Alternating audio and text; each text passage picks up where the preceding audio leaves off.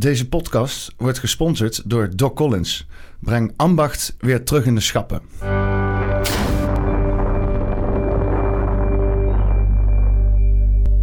Welkom, zijn we wederom bij podcast 120 alweer. Een, uh, een, uh, een heel mooi getal. Poppenkast nummer 120. En uh, vandaag zit ik hier met, met Remy. Hey. Welkom. Dankjewel.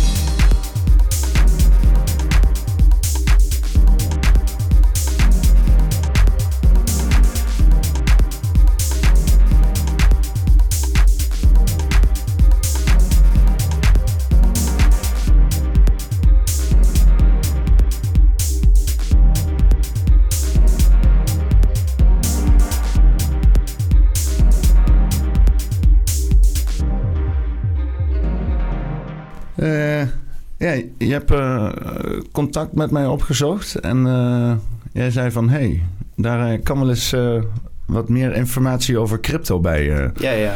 Nee, ik was op een forum meetup en toen was ik een hele rant aan het houden... over de toekomst van AI en crypto en wat ik denk.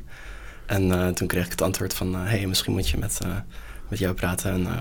Nou, hier ben ik dan. Dat meen je niet. Heb ik uh, iemand die mij aanraadt bij Forum? ja, ik ben zelf uh, een beetje apathisch voor politiek, eerlijk gezegd. Er maar, is, uh, is niks mis mee. ja, maar ik denk juist met dit soort technologie dat we echt een verschil kunnen maken in plaats van met het traditioneel systeem. Oké, okay, ja. Ja, want uh, ik, ik, ik, zit vanaf begin af aan al toen Bitcoin geïntroduceerd was. Mm. Ik, ben die, sinds die 2008-crisis ben ik echt uh, ben altijd al op het internet geweest en uh, heel veel uitgezocht over het financieel systeem. Echt.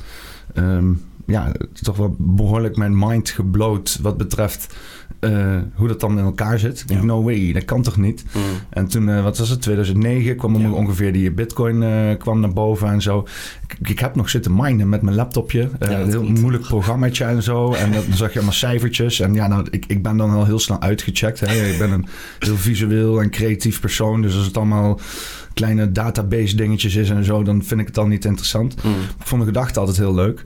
Ik, ik heb waarschijnlijk, waarschijnlijk, als ik die bitcoins nog had, had ik uh, waarschijnlijk 10.000 euro gehad of zo. dat, is, dat, is, de grap aan het hele verhaal. Maar maar um, ik had het altijd, altijd gedacht van ja man, dit is, dit is de toekomst. Mm. Dus uh, op de banken omzeilen, uh, ja. het hele gebeuren en zo. Maar je, je, dacht ook van ja, dit gaan de banken natuurlijk niet leuk vinden. Ja, nee, de grap is wel een beetje dat het een soort van uh, virtuele kakkerlak is eigenlijk. Die gewoon niet echt gestopt kan worden. Dat is ook met die, met die Silk Road en wat niet. Als het gestopt kon worden, dan hadden ze dat al lang gedaan. Be bestaat Silk, Silk Road nog steeds? Ja, dat wordt gewoon altijd een alternatief van gemaakt. Dat uh, kan je ook niet stoppen, denk ik. Hm. Dus als mensen iets willen kopen, dan uh, doen ze dat. ja, want uh, er is natuurlijk ook heel veel ja, er is ook een soort van anti-campagne geweest rondom Bitcoin. Of geweest, ja. dat is nog steeds gaande. Hè. Er wordt altijd gezegd als het in de mainstream nieuws is dat het is om geld wit te wassen. Mm. Het is voor criminelen en ja. dat soort zaken. Ja, het is eigenlijk heel slecht om geld wit te wassen. Want het is allemaal op een uh, transparante ledger die iedereen kan checken. En het is ook helemaal niet anoniem. Sommige mensen denken dat nog steeds. Maar uh, ja, je hebt wel van die anonieme munten die daar beter voor zijn. Maar ideaal gebruik je daar gewoon cash voor. Gewoon cash dollars. Dat is het beste om geld wit te wassen eigenlijk. Ja, ja want, want, want uh, het, het, is... Uh, je hebt een wallet. Hmm. En nu in Nederland volgens mij moet dat wel gekoppeld worden aan je... Uh, aan je idee toch, als ja. ik het goed heb begrepen? Ja, als je via zo'n uh, bedrijf eigenlijk, uh, zo'n broker soort van, zoals Coinbase of iets anders, dan uh, moet je daar gewoon KYC doen. Dat is Know Your Customer. En AML, dat is uh, Anti-Money Laundering. Moet je eigenlijk al je documenten gewoon geven. Dus uh, ja, ze weten eigenlijk gewoon alles. Maar um, als je het gewoon gebruikt voor... ja, als je niet vertrouwt dat papiergeld zijn waarde vasthoudt... Wat, wat een beetje mijn visie is... dan is het heel erg handig. En dan maakt me ook eigenlijk niet uit dat ze alles weten. Dus... ja, want... Maar wordt het nou wel of niet ook veel gebruikt voor, voor criminaliteit? Want je ziet ja, vaak met, met, met, met, van die, uh, hoe noemen we het nou, van die hijackings van je ja, computer. Ja, tuurlijk.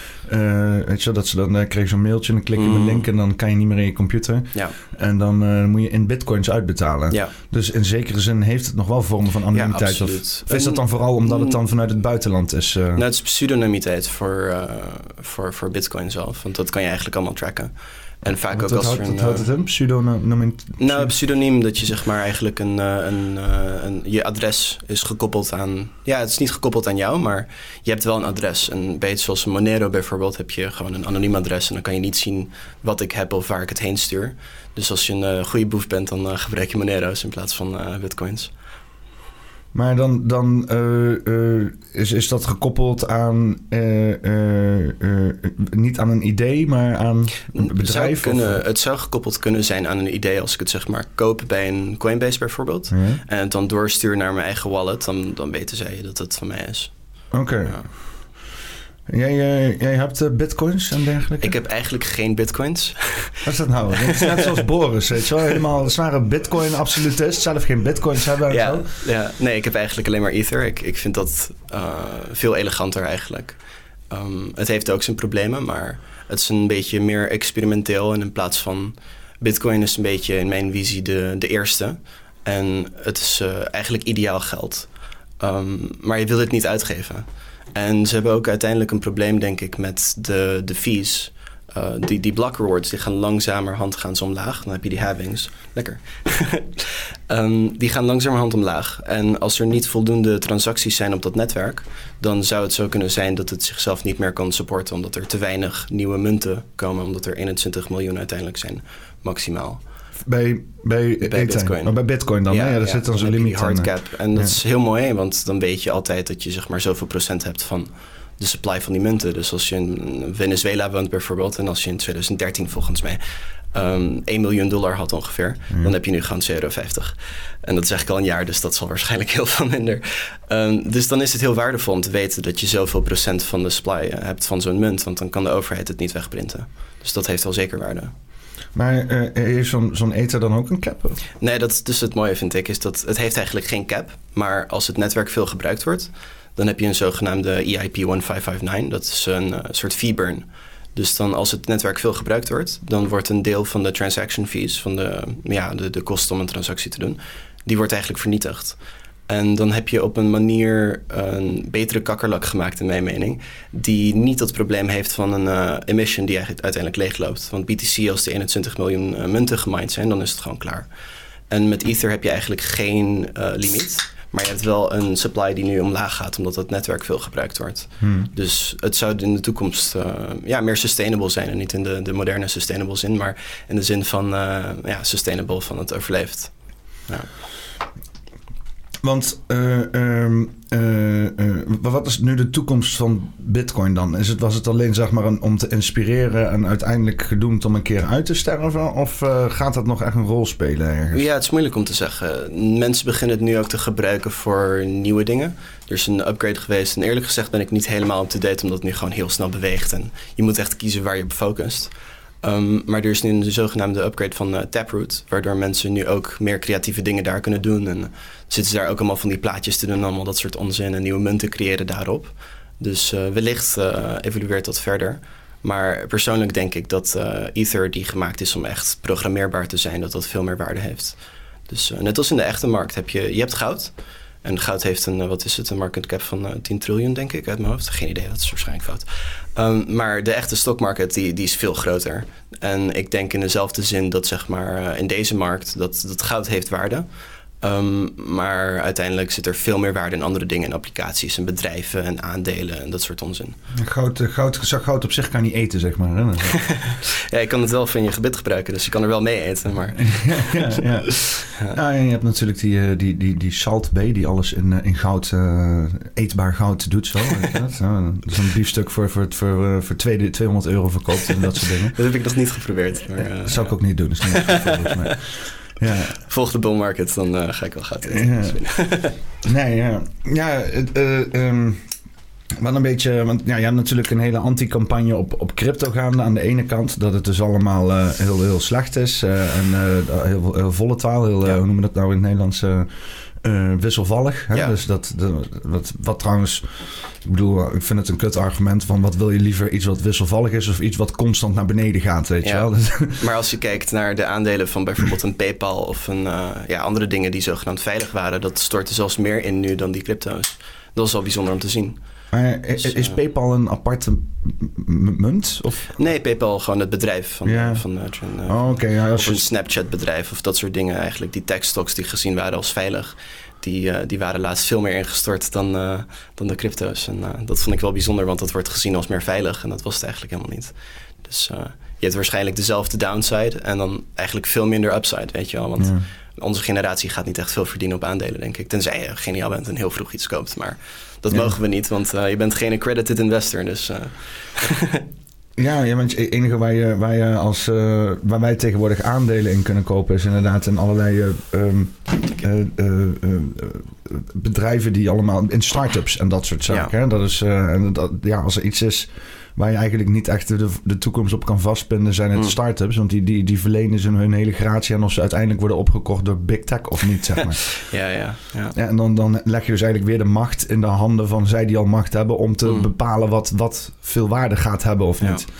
Nou, en wij als individuen, in- individuals kunnen eigenlijk niet heel vroeg in zo'n start-up investeren. Dat wordt alleen overgehouden voor de grote jongens die. Dat is eigenlijk ook gate- gatekeeping. En eh, dan wordt het gezegd dat het voor je eigen veiligheid is. Maar je mag wel naar een casino gaan waar een eh, pinautomaat naast staat. En heel je leven op rood zetten. Of een pandjeshuis, hè? Dat staat ook vaak naast. Ja. Kan je Dus, even snel je tv verpanden of de ketting van Ja. je oma om nog meer weg te gokken. ja. Dus ja, voor je veiligheid is het niet, denk ik. ja. Ehm, eh, ja, want, bij die, want als zo'n zo'n zo'n zo'n IPA komt van zo'n eh, zo'n zo'n start-up, eh, zo'n initial public eh, offer, Mm. dan zitten de grote, grote investeerders zitten er al in natuurlijk. Ja, en dan gaat het een paar keer over de kop en dan dumpen ze het op de retail, eh, op de normale markt. Ja, ja inderdaad. Dan, dat, is, dat, is eigenlijk, dat is eigenlijk, eigenlijk gewoon een soort van scam eigenlijk, als je er zo over nadenkt. Ja, ik denk vaak wel, ja. Ik, ik geloof in de, de gelijke kansen. Dus als ik eh, daarin wil investeren, dan zou ik er recht op moeten hebben om dat te doen. Eh, als ik die kans kan krijgen. Maar dat is vaak gewoon niet zo in de traditionele wereld. Wordt dat gewoon overgehouden voor de grote jongens. En dan eh, mag jij het later kopen als het een paar keer over de kop is gegaan. Ja. Ja, nee, je hebt dus nou dan eh, die hele, het hele crypto gebeuren. Dat dan vanuit traditionele media en zelfs ook in de politiek wordt weggestempeld als gevaarlijk en Ja. als risicovol. Eh, en dan aan de andere kant eh, eh, is nou ehm, onze centrale bank eh, ook een eh, soort van eigen... Kan je het crypto noemen? Is het een cryptomunt? Ja, ik zou het zeker geen cryptomunt noemen, maar het is wel degelijk geïnspireerd erdoor. Ja. Maar ja, zij gaan dan gewoon een eigen ledgers creëren en een eigen infrastructuur. En eh, waarschijnlijk gaan ze het een beetje draaien van... eh, kijk, eh, mensen vinden digitaal geld leuk, dus wij hebben dat ook. Maar dat wordt in mijn mening uiteindelijk gewoon ingebakken... dat je een soort van een eh, carbon limit hebt. Van, oh, je hebt zoveel gevlogen en eh, dan mag je niet meer vliegen, weet je wel. Dus het wordt gewoon beperkt. Of eh, in Canada had je de trucker protests... En als je daar geld heen stuurde, dan werd je rekening gewoon geblokkeerd. Dus ik denk wel degelijk als je in dat nieuwe geldsysteem zit van die CBDC's, die central bank digital currencies, dat als je een verkeerde mening hebt op je Twitter bijvoorbeeld, of eh, iets zegt dat ehm, ja, iemand eh, de verkeerde mensen kritiseert, dan denk ik wel degelijk dat je rekening gewoon geblokkeerd wordt of dat je dat niet mag doen. Ja, want er was zo'n. eh, waar was dan het, het CBDC-debat een tijdje Mm. geleden, een halfjaartje geleden volgens mij, in, in de kleine zaal in de politiek. En daar had je die, was zo'n gozer van de SP, ik weet even niet hoe die heet. Eh, die, eh, die toch wel wat kritische vragen stelde aan Kaag, waar zij geen enkele antwoord op had. Dat is dan ook wel het leuke. Hè? Zij leidt, Stel je voor dat Kaag een antwoord geeft. ja, nee, ja, zij leidt het financieel eh, debat en het hele proces daarin, maar die weet schijnbaar nergens iets van. Dat is Mm. toch altijd wel merkwaardig aan de politiek, dat de Ja. mensen die op de meest cruciale posities zitten nooit de antwoorden hebben waar naar gevraagd wordt. Ja. Maar ja, daar werd dus wel gewoon heel erg ehm, door die gozer dan ge, ge, geëikt op eh, de programmeerbaarheid. Hè? Mm. Dus het, het mag niet programmeerbaar zijn. Ja, Ehm, als zeg maar zo'n CBDC niet programmeerbaar is, hè, dus dat het dan initieel erin wordt gezet als, eh, weet ik veel, een, een, een grondrecht of zo, dat, dat een, een, een centrale bank digitale currency nooit, niet nu, niet over tien jaar, niet over honderd jaar, niet programmeerbaar mag zijn. Heeft het dan enige meerwaarde? Ja, dat is moeilijk om te zeggen. Ik ben zelf helemaal aan de kant van juist de programmeerbaarheid. En daarom vind ik die Ether ook zo mooi boven, boven de Bitcoin. Ehm, ik denk dat die programmeerbaarheid juist vrijheid geeft. Maar ja, dat vinden zij dus niet mooi. Want dan kan je eigenlijk in dat eh, alternatief financieel systeem gaan met die nieuwe munt van hun. En uh, dat willen ze absoluut niet volgens mij. Dus, uh... Nou ja, het is natuurlijk de, de, de, wie bepaalt wat programmeerbaar is. Want in, in die zin zou zeg maar de, de macht over het eigen geld zou de ultieme dem democratie zijn. Ja, dat is prachtig. En, en als je dan inderdaad uh, de, vanuit de community die die, die, die crypto's gebruiken... democratisch kan meebeslissen over wat dan de programmeerbaar van die munt is. De programmeerbaarheid van die munt is. Tot hoe ver dat moet gaan en wat het mm. moet zijn. Dan leg je die hele macht bij het gewone volk neer. Eh, in plaats van bij zo'n centrale bank, die nu natuurlijk de absolute macht hebben over wat er met ons geld gebeurt. Ja, dat, dat zou prachtig zijn als we die macht hadden, maar dat willen ze natuurlijk niet. En uh, de reden dat ik ook meer fan ben, fan ben van Ether dan, dan Bitcoin, is niet omdat ik Bitcoin haat, maar ik denk dat de, de, de stroomverbruik. Uh, je hebt nu die hele narrative van de CO2-uitstoot en dat dat allemaal moet tegengehouden worden en wat niet. En ik denk dat dat is wat de Achilleshiel is eigenlijk van Bitcoin. Dat die energieverbruik, dat dat gewoon uh, daar wordt op neergehaald. Daar, daar wordt op gecritiseerd. Maar is de energieverbruik van bijvoorbeeld zo'n Ether echt hoog?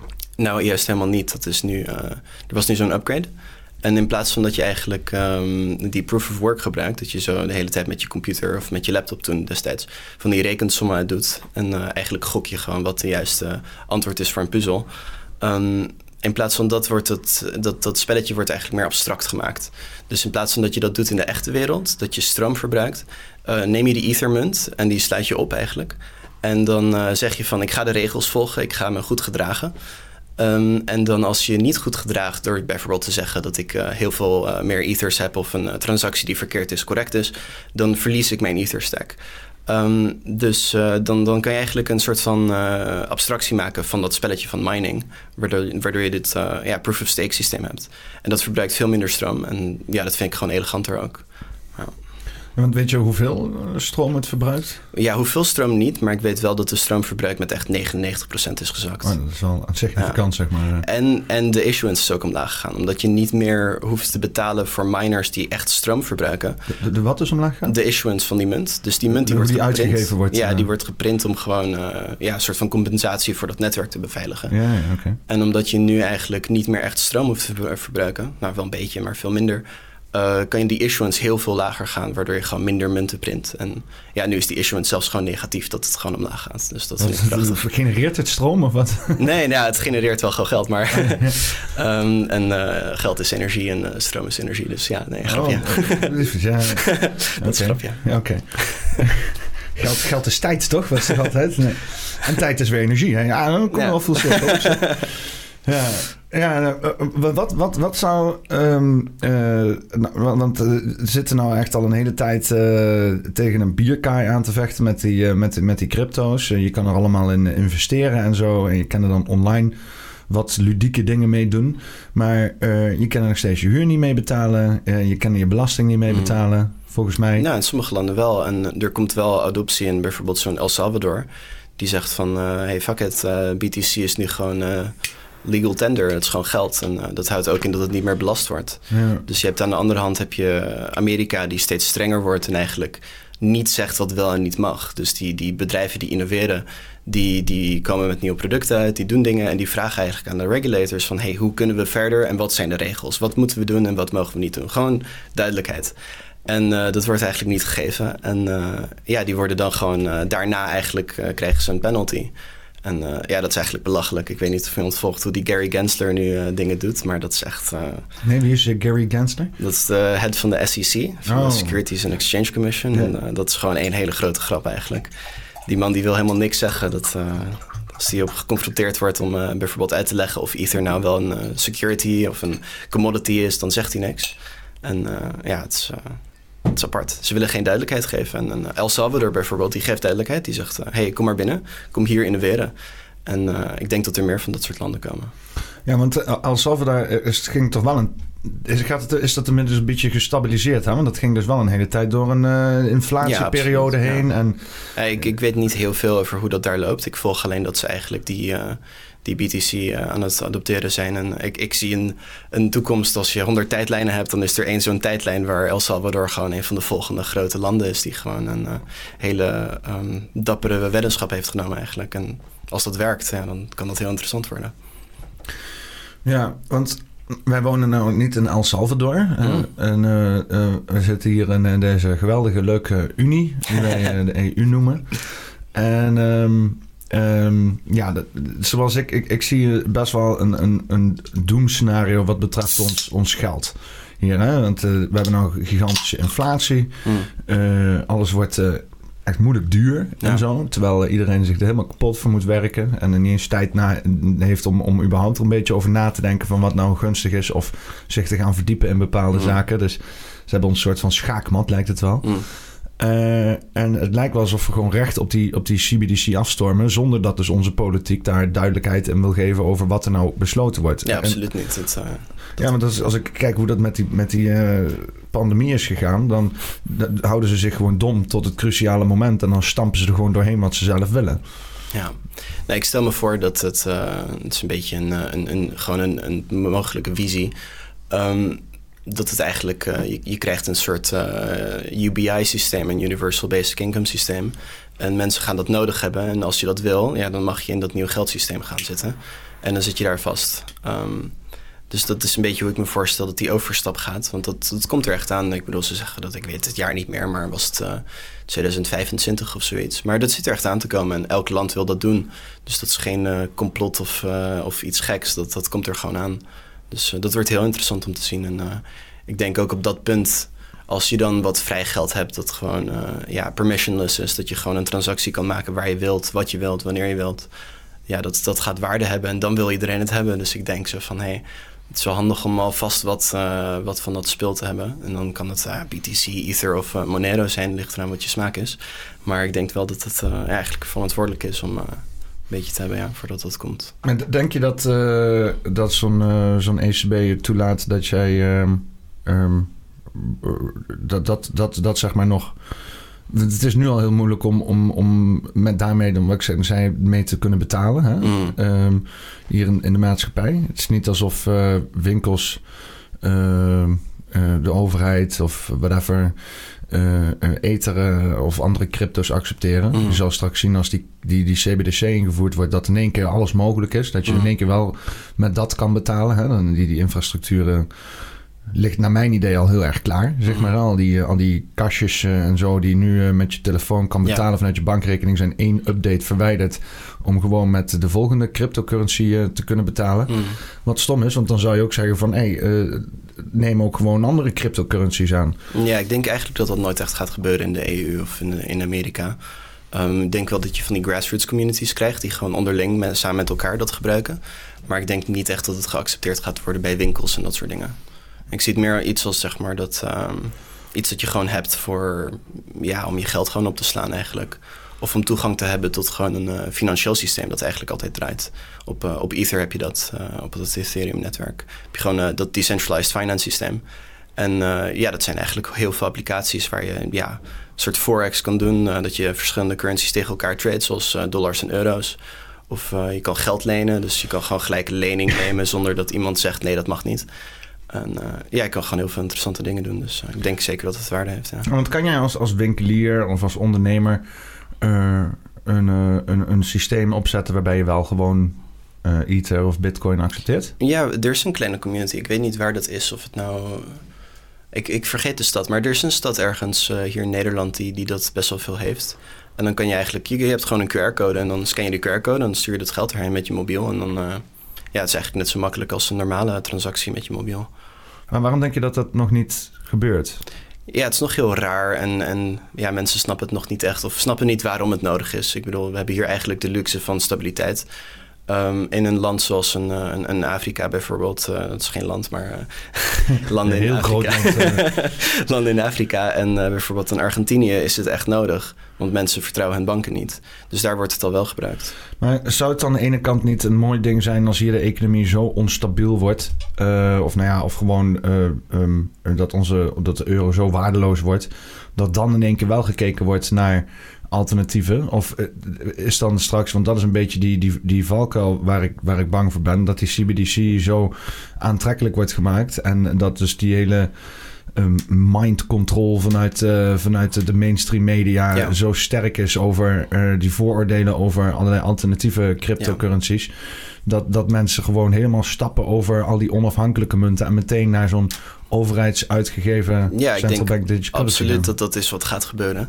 Ehm, en ik denk ook dat de UBI daar een hele grote rol in gaat spelen. Die Universal Basic Income. Zo van, hey, je krijgt gewoon uh, per maand zoveel gratis geld.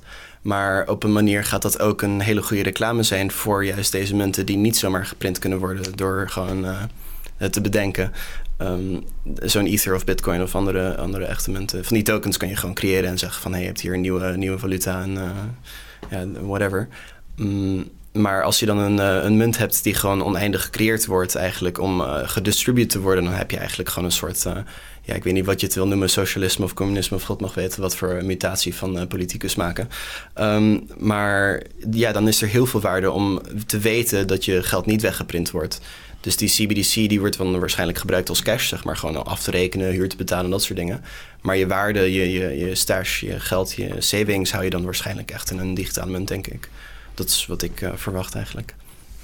Ja, want uh, hoe, uh, voor, voor, mensen die, die allemaal nauwelijks verstand hebben van computers en weet mm. ik veel wat allemaal, maar wel kijken naar deze podcast en die denken van, want ik, ik, ik heb nog helemaal niks aan crypto's en zo, omdat ik echt zoiets heb van, ik heb geen geld, mm. dus waarom zou ik wel crypto's hebben, zeg maar? Het, het, het, voor mij oogt het altijd als ja, ik kan het niet vrij spenderen overal. Mm. Dus, dus dan, dan heb ik er nog niks aan.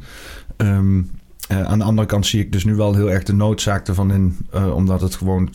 Er moet gewoon eigenlijk zou je gewoon veel meer er bezig mee moeten zijn. Als het, hoe mondialer het wordt, hoe, hoe, hoe, hoe, sneller het nu mondiaal wordt, hoe groter de kans is dat we niet zomaar over die uh, onafhankelijke munten heen stappen mm. naar, een crypt, naar, een, naar, een, naar een CBDC, maar dat er nog een grijs gebied is van mensen ja. die dat dan gaan gebruiken. Mm. Um, hoe ben jij erin gerold? Um, ik zat uh, grafisch vormgeven te, te studeren. En, uh, oh ja, natuurlijk weer in de IT en zo, hè? Heel veel spelletjes aan te spelen. en uh, ik, ik, zag altijd waarde in, in de, de digitale items die ik heb verzameld. En zo'n World of Warcraft of zoiets of wat niet. Dat, dat zijn dingen waar je tijd aan besteedt. Je, je krijgt het en het is een, eigenlijk bestaat het niet. Het is allemaal virtueel. En ja, dan, dan, dan heb je al een soort van intuïtief begrip voor virtuele waarden. Want als je aan je ouders bijvoorbeeld uitlegt zo van... hé, hey, je hebt hier een digitale munt, dan denken ze ook van... oké, leuk, weet je, al succes ermee. Maar als je uh, die games hebt gespeeld, dan snap je dat dat echt waarde heeft. En bijvoorbeeld zo'n valuta in World of Warcraft, die wordt gewoon echt getrade. Uh, je hebt van die, uh, het is misschien niet zo mooi, maar je hebt van die slavenkampen in, in China bijvoorbeeld, waar gewoon echt gearbeid wordt. Minder voor... chill. maar die werken dus om die valuta te verdienen en die verkopen dan dat voor ja, andere munten. Bijvoorbeeld crypto's. Wacht even, zeg dat nog eens een keer. Nou ja, ja, vroeger was het een ding. Ik weet niet of volgens mij is de adoptie van uh, World of Warcraft omlaag gegaan. Maar destijds had je gewoon van die, van die kampen waar mensen World of Warcraft speelden om dat geld te verdienen. En het dan verkochten voor bitcoins. Maar net zoals die Oeigoerenkampen in China? nou, daar worden andere dingen geharvest. Dat gaat volgens mij meer over de organen dan uh, World of Warcraft Gold. Maar... En daar speelden ze... wacht even. wacht even, wacht even. Je had in China had je, ja. had je kampen ja. waar mensen dan tegen hun wil zaten? Ik, ik denk het wel. En dan moesten ze World of Warcraft spelen. dat is wat ik uh, gelezen heb. Uh, source, source, I made it up. Ik, uh, weet dat is wel dat is, zeg maar, een van de beste vormen van kampen, denk ik. Ja. van, van verplichte werkkampen. Ik zou liever, en nu ga je World of Warcraft spelen. Ja, ik zou liever in het World of Warcraft kamp zitten dan in de organenkamp, eerlijk gezegd. Ja, dat is zeker, ja. dat is wel... Jezus. Dat doet me denken aan zo'n zo'n um, Black Mirror aflevering. Dat van die gasten op die fietsen, zeg maar, aan het fietsen zijn voor allerlei punten die ze kunnen scoren en dan uitgeven. Ja. In uh, de Filipijnen ook, en dat is eigenlijk best wel mooi. Het, de Filipijnen is gewoon helemaal naar de kloot gegaan met de COVID, omdat er geen uh, toerisme meer was en ze leven heel erg op toerisme. En die hebben zo'n uh, crypto-spelletje gevonden, dat heette Axie Infinity. En het is eigenlijk een soort van Pokémon-game-achtig. En je hebt van die kaarten en dan, ja, toen gingen ze dit spelen en daar kon je gewoon echt geld mee verdienen. En je verdiende dan van die ja, love potions heette dat. En dan kon je daarmee je beesten kweken. En er was gewoon een markt voor, want mensen willen die game spelen. Net als in uh, bijvoorbeeld een Candy Crush of zoiets. Dan kopen mensen van die punten, toch? En in deze game werden die punten gegenereerd door spelers. En toen kwam er eigenlijk een economie van... hey, wil jij die punten hebben? Dan geef ik ze aan jou en dan geef je mij een andere valuta, bijvoorbeeld een ether.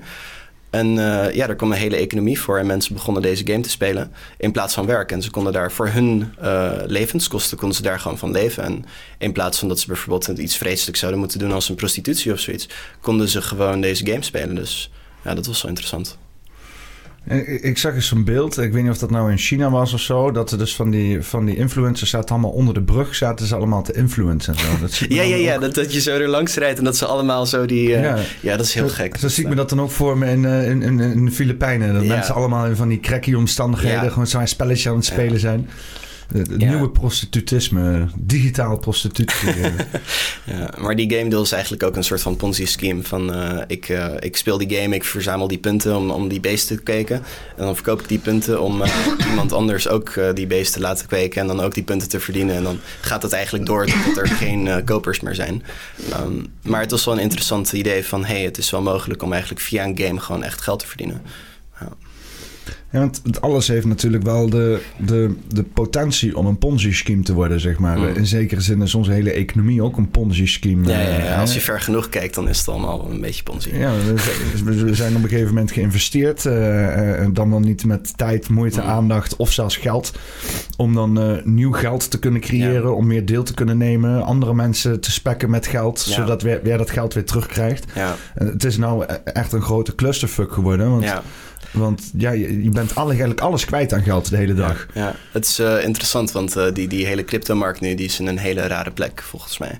En eh, ik, ik probeer de meme een beetje te maken van het, de, de post-fundamental market. Dat het eigenlijk de fundamentals, de fundamentele waarde, maakt eigenlijk helemaal niet meer uit. En de, de memes is het enige wat uitmaakt. Dus je hebt dan iemand maakte zo'n Pepe-munt van die groene kikker. En die is gewoon, ja, weet ik veel, veel keer over de kop gegaan. En eh, iedereen die zit nu eigenlijk gewoon te gokken. Want wat ze willen is gewoon geld verdienen en gokken. En alles is eigenlijk gewoon een meme. En eh, ja, nu, nu heb ik, eh, wat, wat is het nou? Harry Potter, Obama, Inu 10. En ja, dat gaat gewoon lekker. En het embraced eigenlijk gewoon de, ja, de, de, de absurdisme van, van de markt. eh. Harry Potter, Obama, Ino 10. ja, dit moet je niet kopen overigens. Wat is dit voor shit, jongen? What the fuck? Ik ga het opzoeken. Wacht even hoor. ja. Oké, wacht even. Eh, Harry Potter, Obama, Inu. Harry Potter, Obama. Inu, Sonic Inu, excuses. Oh, Sonic, Sonic is helemaal volgepropt met culturele fenomenen. Ja, nee, dat is hem. En dit is eigenlijk gewoon de, ja, de, de, de, de compleet absurdisme van... eh, oh, dit is wel de verkeerde. Ik Oh, heb, oh. eh, en dat maakt niet uit. Je hebt er twee. Eentje die zit op eh, BSC, dat is de Binance Smart Chain. Dat is een scam. En dan heb je de betere scam en die is op, gewoon op Ether. Nee, maar dit, dit plaatje, dat zegt dan iets of zo? ja, Of, dat zegt heel veel dingen. Het is eigenlijk gewoon een... ja, Harry Potter, Obama, Sonic 10. ja, je embraced eigenlijk gewoon hoe idioot alles is. En het gaat eigenlijk alleen maar over... eh, ja, een beetje speculeren en idiote dingen doen. Dus eh, Ja. dat is een beetje waar de markt nu is. En, eh, Ja, de- Ja. Niet, niet, niet alleen de, de cryptomarkt. Ja. Ik bedoel, de hele, de hele de reguliere markt, dat draait Ja. ook allemaal om eh, het eh, aanbidden van eh, transhumane gender eh, Ja, en, zo. En, en, dat, dat, eh, dat moet dan geld gaan verdienen. een Tesla-stok is eigenlijk ook een meme. Alles is een meme eigenlijk. Dat is een beetje eh, ja, absurdist. gewoon een absurde markt. Voor de, voor de mensen die eh 50 plus zijn en mijn podcast kijken, kan je nog eens uitleggen wat nou precies een meme is? Een meme is een...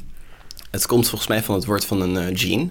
En het is een, eh, een, een, een idee eigenlijk. Een soort van... eh, een idee dat, dat heen en weer gaat. En in onze cultuur van het internet zijn dat vaak gewoon rare plaatjes met, met ideeën. En die worden dan... eh, ja, ge, veranderd en geforkt. En mensen maken daar hun eigen versies van. Dan heb je bijvoorbeeld die groene kikker die iedereen kent. Die, dat is een, dat is een goede meme. En ja, dat ja, Ja, want het is eigenlijk een stukje eh, cultuur verpakt in, in, Ja. in, een... In een eh, in de kleinste eenheid. ja, ja, een klein, klein visueel plaatje, maar Ja. een, een geluid of zo. Ja, of of een concept, een idee of eh, waardes. Die, eh, ik vind het heel jammer, die groene kikker die wordt vaak gezien als een soort haatsymbool, omdat er mensen zijn die dat zo gebruiken. Maar eh, bijvoorbeeld. Eh, Tegenwoordig is zoveel een haatsymbool. Het is Ja. bijna, het is bijna de, de andere kant is meer zeldzaam als alles is haat tegenwoordig. maar die kikker die is wel gebruikt in, in Hongkong toen die Chinezen daar dat, de, de boel wilden over, overnemen met die camera's en wat niet. En toen werd die kikker werd gebruikt als een soort van symbool van anticommunisme, vrijheid van meningsuiting en dat soort dingen. En dat is wel krachtig, dat is heel sterk vind ik. Ik volg zo'n eh, zo'n eh, zo'n Telegram kanaal. Het heet de Froggy in the Pot. En dat ja, dat is toch gewoon inderdaad, lief. eh, Het is inderdaad de, een soort van, eh, ze zeggen het, een autistische kikker die graag kipnuggets eet. eh. ja, hij is gewoon blij. en eh, Hier, dit is die Salt Bay. Ja, Allemaal gouden dingen op ja. de pizza. Maar ik, ik hou van die kikker. Ik ben opgegroeid op het internet. En voor mij is dat gewoon een, een, een manier om jezelf te uiten, weet je wel. Het is een soort eh, een canvas eigenlijk voor expressie. En ja, dat wordt nu een haatsymbool genoemd, omdat sommige mensen dat eh, zo hebben gebruikt. Ja, maar dat is dat hele, dat hele stukje eh, oordeel door associatie. En dus dat Ja. dan, dan ehm, eh, de, de, wat dan ook weer weg is gezet als de Mm. alt-right. Wat Ja. niks, niks anders is als mensen die op het internet gewoon zoeken naar vrijheid om zichzelf te uiten. Die dan inderdaad naar protesten gaan om tegen het bizarre uit de hand gelopen progressieve links Ja. te protesteren. Wat dan automatisch rechts is. Hè? Dus dat is, dat is een beetje het hele stomme van het verhaal. Mm. Eh, meteen geassocieerd wordt met zaken zoals racisme en fascisme. Maar die termen die betekenen eigenlijk helemaal niks meer, zeg maar. Een, een fascist is gewoon iemand waar je het niet mee eens bent. En eh, het, het, het is gewoon omhoog is naar beneden, links is rechts. En vrijheid is fascisme. En ja, Ja, want ik, freedom is slavery. ik, ik, ik, zat laatst eens op Wikipedia eens even nog een keer even goed op te, los, op te zoeken van wat nou echt precies rechts en links is. Hè? Ja. En eh, eh, vanuit, eh, vanuit het politiek gedachtegoed en dan vooral ook vanuit het, eh, het cultureel standpunt werd toen ingenomen met de Franse revolutie. Mm. Had je dus inderdaad rechts de mensen die de huidige macht wouden houden. Hè? Dus inderdaad de, de, de koning. Eh, en ehm, eh, dat, dat systeem wat er toen was, waartegen gevochten was. En dan had je links de mensen die dat systeem omver wouden werpen. Hè? Alleen het grappige was is dat het systeem van de koning was eh, vrij... ehm, ehm, ja, noemen dat? uitbundig en veel... beetje Sodom en Gomorra-achtige situatie. Hè? Eh, eh, eh, veel, veel, veel, veel misbruik en, en, Ja. en, en, van, van, van, van in ieder geval niet traditionele waardes, zeg maar, of geen conservativiteit. Dus Ja. ik weet niet of je het progressiviteit kon noemen, maar want progressie is in mijn ho- hoofd vooruitgang, zeg maar. Ja. Dat is ook weer zoiets, hè? Want, Mm. want daar had je dus inderdaad links, die wouden dus toen, toen Napoleon overnam, opnieuw traditionele waardes eh, eh, aanhangen. Mm. Hè, dus de, de, de, de vrouw als, eh, eh, als de man-vrouw relatie als een, als een traditioneel concept. Ehm, en, maar dat was dan, in die tijd was dat progressie. Mm. Terwijl het nu weer helemaal is omgedraaid. Hè? Ja. Nu willen ze dat weer andersom hebben. De traditionele waardes is conservatief. En ze willen dan vanuit die, vanaf van die conservativiteit af, wat in Nederland helemaal bizar is. Want volgens mij zijn wij van alle landen in de wereld minst conservatief. Ja. Ja. Eh, Dus, dus mensen die dan hier zeggen van ja, ja, eh, eh, de, de, de, de vrouw moet vrij zijn. eh, ik ben feminist, ik ben eh, links progressief. Want al die tradities, dat, dat moet nog verder uit verband getrokken worden. Dan denk ik van ja, waarom sta je hier in Nederland te pro- Mm. protesteren? Want het Ja. is, het is Nou, dat is ook mooi, want ze hebben het nooit over... eh, Ik bedoel, eh, moderne feministen die hebben het dan over... eh, dat een eh, pomp te groot is bij de benzinestation. Dat, ze, dat het pijn doet als ze dat vasthouden. En eh, ze protesteren niet in een land waar het werkelijk gewoon... waar je gestenigd wordt als je iets verkeerd doet of zoiets. Het is altijd hier ehm, over eigenlijk helemaal niks. En eh, in mijn visie heb je de initiële golf... die ging over gewoon gelijke keuzes en eh, gelijke mogelijkheden. En daar sta ik helemaal achter. Ik bedoel, eh, ik geloof dat iedereen gewoon een gelijke kans moet hebben. Maar nu is het eigenlijk van, hé, hey, we willen een gelijke uitkomst. We willen dat er zoveel vrouwen staan op een board van CEO's. En we willen dat, dat we al die goede baantjes ook eh, 50-50 krijgen. Maar je hoort ze nooit klagen over, hé, hey, de, de, de genderquota bij de vuilnismannen of bij de coalminers, die is niet 50-50. Dus dan begrijp je eigenlijk precies waar het over gaat. je had zo'n voorbeeld van, eh, eh, was, eh, ze wouden eh, die, die, die genderquota eh, halen bij de brandweer. Ja. Eh, was in Amerika. En eh, hadden ze dus inderdaad een, eh, een vrouwelijke eh, brandweerunit. En die gingen trainen in het bos. Hadden ze een gecontroleerd vuur afgestoken om dat te gaan blussen. En dat is uit de hand gelopen. helemaal uit de hand gelopen. Hele, hele bos afgefekt. Ja. Nou, weet je, als ik een, eh, een, een, eh, een, een zoon of een dochter had en mijn huis staat in brand, dan wil ik gewoon dat een hele grote man die door en schopt en mijn kinderen redt. Weet je wel, dan wil ik gewoon het meest efficiënte. En als dat niet genderquota haalt, dan so be it. Ik wil gewoon wat werkt. En eh, ik heb het gevoel dat tegenwoordig de, de realiteit wordt gezien als haatvol of biologie of gewoon de natuurlijke verschillen tussen dingen. Dat wordt gewoon gezien als iets slechts en dat is idioot. Ja, ja realiteit op, op zichzelf wordt, wordt gewoon aangesproken. Heel veel mensen die, je hebt nu inderdaad, uh, uh, zou je zou eigenlijk rechts en links zou je het helemaal van tafel moeten, moeten halen. En dan heb je mensen die realistisch zijn mm. en mensen die in een soort van fantasiewereld leven. Hè? Ja, en ik denk ook dat dit eigenlijk de hele grote waarde is van zo'n blockchain. Want dan heb je eigenlijk één punt van waarheid. Want als we het niet meer kunnen. We zijn het niet meer met elkaar eens over wat een man en een vrouw is. Ik bedoel, als we zo ver zijn met onze cultuur, dan, zijn we best wel de kluts kwijt. En als we dan gewoon één bron hebben die zegt ze van dit is waar en dit is niet waar, dat heeft ontzettend grote waarde in mijn mening. Niet om weer terug te gaan naar crypto's, maar, nee, ja, maar dat, is, uh, dat, is, dat is voor mij heel belangrijk. En het is, ik zie het ook als een cultureel iets. Uh, ja. Want dan zeg je eigenlijk niet, je zegt eigenlijk van uh, je kan de realiteit niet veranderen. Dit is gewoon zo. Ja.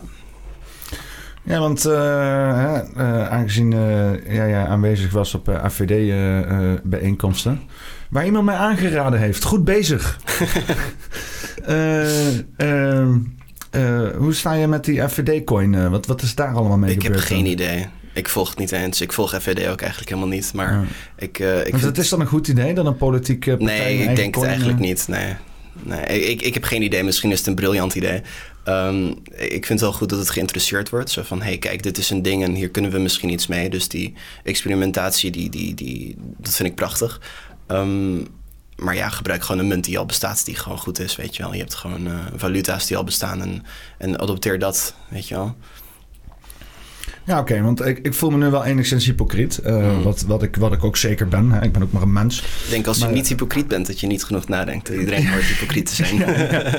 ja en, uh, want uh, ik, ik, ik, ik waarschuw al heel lang voor die CBDC. Op een ja. hoop kritiek op. ik vind het het slechtste idee ooit. Hè, want um, ik, ik was ooit heel erg ja, oh, die, die, die, die, de bitcoin die gaat de wereld veranderen. We gaan decentraal. We gaan eindelijk... Die, ik heb hier zo'n mooie, mooie sticker gekregen van een maat van mij. Hier, uh, eens even kijken. Uh, don't, don't buy bitcoin. En dan heel klein, want het is natuurlijk uh, om te triggeren mensen van... hé, hey, wat staat er? staat er heel, onder, heel klein onder... cryptocurrencies are harmful to the banking system... and may weaken the state apparatus. Ja, prachtig. Dus een beetje een ironische sticker, zeg maar. Um, maar dat, dat, was, dat was, want ik, ik, zag, ik zag heel snel van, oké, die banken zijn het probleem. Uh, al dat, dat, dat, dat geldhongerige machine die erachter zit, die, die haalt al het menselijke uit, uit, uit elke interactie die we hebben. Mm. Uh, het geeft uh, een soortje mensen die al heel veel hebben, nog meer de kans om nog meer te cumuleren voor zichzelf. En daar moeten we van af. En dat ja. kan niet door in het systeem te blijven. En dit is een nieuw systeem. Mm. En dat, dat, ook al heb je natuurlijk daar ook weer grote spelers in, ja. waar je dan afhankelijk je van bent. een nieuwe elite. En ik, ik hoop alleen dat die nieuwe elite betere waardes heeft, wat ik wel geloof. Dat is wel, dat, is, dat, is, dat, dat zou voor een paar generaties zijn. Maar ik denk ja, maar ik wel... denk ook dat het een soort kat en muis is. Het is gewoon een pendulum dat steeds heen en weer gaat. En je krijgt weer een nieuwe nieuwe corruptie en nieuwe problemen. En uh, ik denk uh, mensen die denken dat we het systeem kunnen fixen, dan creëer je weer honderdduizend nieuwe problemen. Dus wees voorzichtig met uh, wat je wil repareren. Maar ook al heb je dan zo'n zo'n zo'n nieuw. Oké, okay, staan we gaan allemaal in crypto en dan heb je ja. dus inderdaad nieuwe elites. Je kan donderop zeggen dat de mensen met honderden miljarden dan inderdaad honderden miljarden aan crypto's hebben. Hebben zij dan net zoveel um, controle over het geldsysteem als dat wij dat nu hebben? Um, ik ligt aan het systeem, maar ik denk dat het dan eigenlijk neutraler zou zijn. Dus je hebt dan minder invloed. Je kan die regels minder veranderen. Ja, want hoe zit dat als je bijvoorbeeld uh, programmeerbaarheid hebt bij bijvoorbeeld zo'n Ether of whatever ja. uh, voor munt? Uh, gaat dat dan, is jouw stemkracht dan aan de hand van hoeveel wallets je hebt of hoeveel, hoeveel nou, eenheden aan crypto's je hebt? Je hebt eigenlijk niet echt stemkracht. Um, je hebt die stake, dus je hebt wel een soort van. als je dat geld hebt, als je die Ethers hebt, dan heb je een soort van de keuze om te beslissen wat wel en niet waar is. Um, maar je kan niet bijvoorbeeld uh, zeggen van hé, hey, we gaan het. Uh, nou, als je meer dan. Uh, volgens mij is dat nu ook veranderd met die proof of stake. Maar als je zoveel procent van de supply hebt, dan kan je wel gewoon zeggen: we gaan de regels zo doen. En eigenlijk kan dat netwerk gewoon splitsen en zeggen ze van hé, hey, we gaan anders spelen. Um, maar ja, het is, het is Dan interessant. kreeg je een fork of zoiets, hè? Ja, in, in, de, in de Bitcoin is dat wat makkelijker. Want daar is het gewoon, nou, als je 51% van de mining power hebt, dan zeg je gewoon van hé, hey, we gaan het eh, zo doen. En dan krijg je gewoon een nieuwe smaak eigenlijk. Dan krijg je een nieuwe versie. Maar ja, dan zit zo'n, dan zit zo'n eh, elitaire crypto-bankier Ja. en zijn eentje met, zijn, ei- met al zijn munten. En de andere helft van de mensen waar de reële economie zit, die zit met de andere helft. Ja, eh. maar die kan je er eigenlijk gewoon uitvorken dan als je het er niet mee eens bent. Als zij dingen gaan doen die wij niet leuk vinden, dan, dan kan je gewoon zeggen zo van succes ermee. En eh, de, de manier hoe ik het zie is eigenlijk een soort van religies, weet je wel. Je hebt gewoon het, eh, de, de, de scriptures. Het zijn allemaal cults eigenlijk. Het, eh, alle crypto's zijn cults overigens. Ehm, en dan heb je eh, mensen die geloven gewoon echt fundamenteel zo van dit is zo.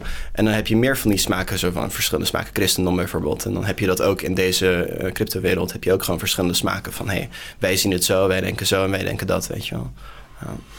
Ja, maar oké, dus, want ik, ik zou dus wel, eh, de enige manier waarop ik dus zeg maar zou gaan kunnen participeren in crypto is als ik bijvoorbeeld, net zoals dat ik eigenlijk vind dat die allerlei ondernemers moeten doen, is crypto accepteren. Ja, dus dat ik, dat ik gewoon crypto's ga accepteren. Ik verkoop mooie, mooie t-shirts, die hangt achter jou daar zo, mooie Ja. poppenkast t-shirts. Nice. Koop een poppenkast t-shirt. en eh, mensen kunnen doneren op mijn shit eh, en ik organiseer een bijeenkomstje en ja, zo. absoluut.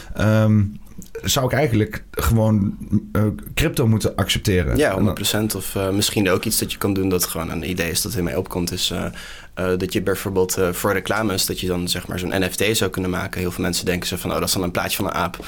Eh, maar dat is eigenlijk gewoon een digitale ehm, asset of een item. En dan zeg je zo van, nee, als je deze NFT hebt, dan heb je recht om een eh, advertentie te doen op mijn podcast bijvoorbeeld. En dan kan je dat verkopen voor eh, wat, jij, eh, wat jij wilt. Leg dat eens iets beter uit. Ehm, dus eh, eh, op je podcast heb je een reclame gedaan aan, aan het begin. Maar wat je ook zou kunnen doen bijvoorbeeld... is dat je dan zo'n NFT verkoopt, die gewoon een token is. En dan zeg je van, hey, als je deze NFT koopt van mij... dan mag je een reclame doen op mijn podcast. En zo zou je die crypto kunnen integraten in je, in je show. Maar hoe, eh, want dan kunnen mensen dat dan in- inleveren bij mij als een soort van waardebon? Ja, een En soort dan- van een, een, een Chuck E. Cheese token die je gewoon inlevert... en dan krijg je er iets voor, weet je wel. Dus, dus mensen die kopen dat dan, kopen dan een NFT van mij. Ja, En dan op een moment dat hun dan daar iets mee willen doen, dan leveren ze dat weer in bij mij. ja en dat dan zou moet dus, ik dat eh, dan, dan eh, voer ik dat dan zeg maar uit. Of hoe? Ja, dan zou je dat kunnen... Bijvoorbeeld zou dat de mogelijkheid zijn, ja. Of ze kunnen het houden als het leuk is, eh, bijvoorbeeld. Ja, oké. Ja, want die hele NFT gebeuren, dat had ook wel behoorlijk eh, scammy-achtige eigenschappen. Ja, er zaten heel veel scams tussen, maar ik vind het ook heel interessant omdat de, de manier waar ik deze wereld eigenlijk inrolde van die crypto eh, shit, is eh, die, spelletjes en digitaal eigendom. En eh, bijvoorbeeld je social media account waar we nu eh, op zitten, dat is niet jouw eigendom. Jij zit in het koninkrijk van, neem ik aan, YouTube. Ik weet niet waar we precies livestreamen, of het op eh, Twitch is of YouTube. Overal. Of, overal. Maar dat is niet jouw eigendom. En dat kan zomaar gewoon afgepakt kunnen worden als het er niet mee eens zijn. Of als je iets zegt dat misschien iets te pittig is. Dan is dat gewoon weg. Kijk maar naar zo'n Trump die gewoon gedeplatformd is. En of het er wel of niet over eens zijn, dat, dat, dat maakt niet heel veel uit. Maar eh, ik vind wel dat dat niet zomaar afgepakt mag worden. Dat, is, dat hoort jouw eigendom te zijn. En zo'n social media platform, dat, of zo'n account op social media, zou een NFT kunnen zijn die gewoon van jou is. Niet afgepakt kan worden. Ja, want ik, ik doe ook eh, mijn video's allemaal op eh, Odyssey zetten. Ja. Is dat zoiets? Oh, ik heb eigenlijk niet heel veel met Odyssey. Ik heb het wel gebruikt, maar ik weet niet precies hoe het allemaal werkt. Ja, want zoals ik het begreep, en eh, ik heb altijd maar eh 10% kennis van alles, zeg maar. Dus ik begrijp het voor 90% niet. Maar eh, is dat het dus inderdaad in een soort van eh, blockchain-achtige structuur zit. Ik mag het eigenlijk niet meer zeggen van sommige gebruikers, omdat het een overgehyped woord is. Maar Mhm. ik weet even geen andere taal ervoor.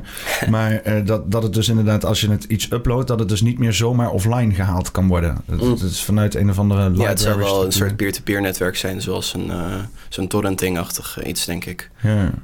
Ja, maar, maar dat is dan zoiets waar je het over hebt, toch? Of niet? Nou, ehm, een, een goed voorbeeld vind ik, dat heet Lens. En dat is dan eigenlijk, ze noemen dat een social graph. En dan heb je een, eh, een, een handle, zoals een Twitter-handle bijvoorbeeld, of een Telegram-username, gewoon iets. Of een e-mail, ehm, bijvoorbeeld. En dan eh, maak je dan, eh, elke keer dat iemand volgt, dan krijg je daar eigenlijk een NFT voor. En dan creëer je eigenlijk een soort van spinnenweb van dingen die jij volgt en dingen die jou volgen. En dat is dan gewoon jouw eigendom. Uh, dus uh, stel je voor dat je hele radicale dingen gaat zeggen op een platform, dan kan die frontend, zoals een Twitter bijvoorbeeld, die kan zeggen zo van hé, hey, dit accepteren wij niet. Uh, en dan word je daar geband van de frontend. Maar dan heb je nog steeds je social graph en alle mensen die je volgt. Want dat is van jou. En dan kan je dat weer misschien gebruiken in een ander uh, frontend. Net zoals zeg maar zo'n RSS-feed van podcast en zo. uh. Ja, ja. Ja. Ja, want je hebt ook zoiets als Hive blockchain of zo. Ja. Heb ik eens van gehoord. Is dat ja. dan... Uh, ja, dat is ook zoiets. Ik weet niet precies meer hoe Hive werkt. Dat is al heel, heel lang geleden. Maar ik weet wel dat dat uh, toen gekocht is door een uh, zogenaamde Justin Sun. Dat is een van de titanen in, onze, in die industrie. En het, het mooie is dat die, die community die was er eigenlijk niet mee eens. Die zeiden dus van wij willen jou niet als een nieuwe koning. En dat was eerst Steemit. Dat is gekocht door die Justin Sun. En dat is nog gewoon geforkt. En die zeiden van hé, hey, we gaan het... oh, sorry hoor. We gaan het zo doen. We gaan gewoon uh, we gaan ons eigen spelletje spelen. Dus die, die hebben hem er gewoon uitgesneden eigenlijk. Zo van, nee, je bent niet onze nieuwe koning. Oké. Okay. Nou. Ja, want het hele probleem in Nederland is... want ik maak uh, Nederlandse content en zo... Mm. is dat dat draagvlak gewoon heel klein blijft. Hè? Mm. Als je inderdaad uh, iets in het Engels doet... dan ja. is het voor 8 miljard mensen te, ja. te, te, consumeren. Of in ieder geval... de, wat zijn het? iets van... weet ik veel. Honderden miljoenen mensen die Engels, goed Engels kunnen spreken... Uh, maar in Nederland ben je gewoon maar ja, tot die, die, die uh, wat is het, 18 miljoen mensen. Uh, of wat zijn er, 20 miljoen mensen met Aruba en misschien wat Zuid-Afrika Zuid, erbij en zo. Mm. Heb je heb gewoon een hele kleine groep mensen. Ja. Ik merk het ook met alle alternatieven. Want alleen op YouTube heb ik enigszins een wat significantere groep mensen. Maar op alle andere dingen waar ik zit, Rumble en Odyssey mm. en ook Twitch zelfs. Ja. Is gewoon, ja, dat, dat, krijg je gewoon heel weinig momentum. Mm -hmm. um, ja, hoe moet je dat in godsnaam doorbreken, zeg maar?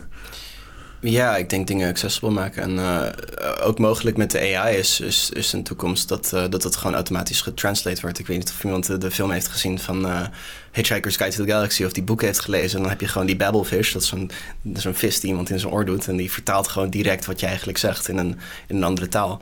Dus dat is zeer zeker al gewoon bijna mogelijk, denk ik. We zijn daar gewoon bijna. Of het zou waarschijnlijk al mogelijk zijn om dat gewoon direct te vertalen.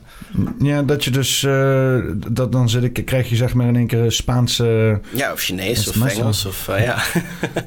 ja, maar dat is, dat is grappig. Is. Ik zat uh, gisteren Forum Insight te kijken. Met, met Sid, die zat daar. Die heb ik ook wel eens een aantal keren op de podcast gehad. Mooie gozer. Um, en hij zat daar met uh, God, uh, met een of andere christelijke dude. En uh, God, weet die andere vent nou ook weer die er altijd bij zit, die altijd wijn zit te zuipen daar. Mm. weet, je, weet je, die, die Ralf, nou, Ralf, Ralf Dekker, zeg ik dat goed? Nou, maakt niet uit. Oh, die naam ken ik wel. Ja, ja, ja. Dus, ja, want toen hadden het dus over, over, over inderdaad AI. En wat, wat gewoon ja, natuurlijk een heel erg ja, een, beetje toch wel een, een doemscenario aan het worden is. Hè? Met de chat GTP, met alle mensen die uh, aan het participeren zijn in AI... die allemaal het, uh, van de boot afspringen. Hè? Alle ratten verlaten het schip en zo. Uh, en, heel veel mensen die raken toch wel heel zenuwachtig... omdat het toch wel misschien best wel heel goed is. Ja, ik gebruik het dagelijks voor bijna alles, eerlijk gezegd. Wat, uh, ChatGTP? Ja, ja, het is gewoon prachtig. Voor wat? Ja, letterlijk gewoon alles. Ik bedoel, ik was laatst op een roadtrip door Polen... en dan is het zo van, hé, hey, uh, wat is een leuk hostel om te bezoeken? En wat zijn leuke plekken om te gaan? En we gaan van, van hier naar daar en maak maar een leuke trip die gewoon gezellig is. En het is, het is, het is geweldig. Het is ongelooflijk het is ook heel eng, maar ik denk zo van... hé, hey, we, we, leven nou eenmaal in deze tijd en uh, privacy bestaat toch niet meer. Dus ik kan net zo goed gewoon uh, mijn ziel aan deze machine voeren en ervan genieten, weet je wel. ja, dat, vanuit, ik ben de laatste tijd uh, een beetje een soort van spirituele ontwaking gehad en zo. Dan kom ik wat meer in connectie te staan met de, de, de, de, natuurlijke en organische kant van het leven en zo. Wat dan meteen een beetje haaks dat op dat kunstmatige. Ja. Wat, waar ik natuurlijk vanuit mijn studie en zo heel erg in zat en ook heel veel potentie in zag. Alleen uh, op een gegeven moment, als je dat doortrekt in allerlei andere kunstmatige aspecten in het leven, zoals onze voeding, onze medicatie en zo, dan ja, kom je dan ook wel uit op dat hele digitale stuk waar je denkt van, nou, weet je wel, is, het, is dat allemaal wel gewenst eigenlijk? Mm. En uh, dus, dus de afgelopen tijd heb ik vooral heel veel kritiek gehad op, op, op, op hoe. Uh, of in ieder geval zorg uitgesproken over, over uh, een stukje zielsverlies ja. uh, in, het, in het hele aspect als wij uh, onszelf zo overgeven aan dat hele AI. Ja. hoe kijk jij daar tegenaan? tegenaan? Ja, um, dat is een vraag. Um, eerlijk gezegd, ik, ik probeer het gewoon te gebruiken voor alles wat, wat me kan helpen. En ik ben zelf ontzettend dyslectisch, dus ik kon nooit echt teksten schrijven of genereren. En ik had altijd heel veel ideeën over van alles. En ik kan nu gewoon dat gebruiken om mijn ideeën eigenlijk uit te werken. En uh, ik heb net een uh, website gebouwd om mezelf een beetje te verkopen in de industrie waar ik werk. En ik heb geen idee hoe ik dat moest doen. Dus ik, ik heb gewoon gevraagd ze van... Hey, uh, computer, ChatGPT, hoe, hoe doe ik dit? En het heeft mijn hand vastgehouden door alles. Dus als je nu zin hebt om iets te leren... wat dan ook, die kennis ligt daar en je kan het gewoon oprapen. En je hebt de meest geduldige leraar ooit... Uh, die alles gaat uitleggen die nooit uitgaat. En ja, dat op zich is dat prachtig. Ja, want het argument is vaak, ja, we, we leren... Um, we verliezen straks onze, onze, onze capabiliteit om zelf dingen te... Weet je wel, bijvoorbeeld... Ja. bijvoorbeeld ik ben, ehm, ja, als ik ergens heen reis, altijd Google Maps. Hè, ja. En altijd reizen. En... Um, uh, altijd uh, mezelf vertellen waar ik heen moet en zo. En dan, dan verlies je je capabiliteit om mm. kaarten te lezen. Of vooral ja, de angst van als het straks weggaat, dan zijn we straks oh, helemaal, helemaal verloren. Ja, absoluut. Ja. ja. ik, ik, ik zie zelf die AI's uh, in, in de huidige vorm, zoals GPT-3 of 4, uh, zie ik als rekenmachines voor gedachten. En uh, zelf ben ik ontzettend slecht in hoofdrekenen, omdat ik ben opgegroeid met rekenmachines. En ik kan me voorstellen dat het zomaar zou kunnen zijn dat in de toekomst mensen gewoon niet meer zelf goed kunnen nadenken, omdat ze dat gewoon allemaal outsourcen aan aan een AI om te doen. En dan heb je eigenlijk gewoon zo'n megabedrijf met uh, waardes die misschien niet jouw waardes zijn, die jou vertelt wat niet, een, wat wel niet correct is. Dus dat is, dat is best wel eng. Ja. Ja, want voordat ik zeg maar in deze hele uh, persoonlijke revolutie waar ik in zat uh, terecht kwam, dan had ik zeg maar het argument van uh, uh, dit geeft ons juist de kans om meer mens te worden. Hè? Omdat wij zoveel belast worden de laatste tijd door allerlei procedureel werk. Ja. Uh, hè, vroeger was het leven gewoon veel simpeler. je hakte wat, je, je slachtte wat, je, je, je brandde wat en dan hè, was je weer een dag verder. En uh, met, de hele, met, de, met de maatschappij die, uh, die we al, weet ik veel, 7000 jaar aan het bouwen zijn, afbreken, bouwen, afbreken, bouwen, afbreken zijn, is het oneindig veel complex geworden. Hè? Wat er zeg maar van een, ehm, van mij verwacht wordt hier om eh, mezelf levend te houden. Eh, mijn eigen onderhoud, eh, mijn eigen administratie, mijn eigen communicatie, mijn netwerk, mijn financiën. Mijn, ondertussen moet ik nog ergens een sociaal leven hebben. weet je wel. om gewoon zeg maar mee, op de meest basisniveau mee te kunnen gaan met de, met de maatschappij. Laat staan te excelleren. Mm. Hè, is gewoon, vraagt gewoon heel veel van je als persoon. En ik weet niet tot hoeverre dat nou echt zo natuurlijk is als dat mensen hè, zouden, zouden, zouden willen dat het is. Hè. Dat, vaak krijg ik van mensen te horen die dan uh, heel erg in de, in de natuurzaken zijn en zo. Uh, zeggen van, uh, van, van ja, joh, de, die, de, de, de, echte essentiële dingen van het leven, die, die, die, die, die vind je niet. Um, die, die, die vind je alleen in de natuur. Daar zou je bezig moeten hebben, mee moeten zijn. Maar ja, daarmee kan je gewoon niet meekomen in de maatschappij. Als je in het bos gaat wonen met je tentje, mm. ja, dan, dan, dan draai je eigenlijk niet mee met de maatschappij. Uh, dus als je mee wilt draaien met de maatschappij, moet je in ieder geval voldoen aan die, ja, die basis die al best wel heftig is. Ja. Dus uh, uh, in mijn optiek is al die technologische, in ieder geval in mijn optiek toen, ja, enigszins zit dat er nog een beetje hoor. Ik heb er nou inmiddels heel veel lagen omheen gebouwd. Maar waar, waar ik toen inderdaad heel erg voor stond en misschien nog wel naar terug kan gaan, is uh, die, die technologische revolutie, waaronder dus ook AI, kan weer, geeft een kans om voor ons weer echt mens te zijn. Hè? Dat we dus inderdaad al die procedurele dingen, zoals inderdaad administratie of ja.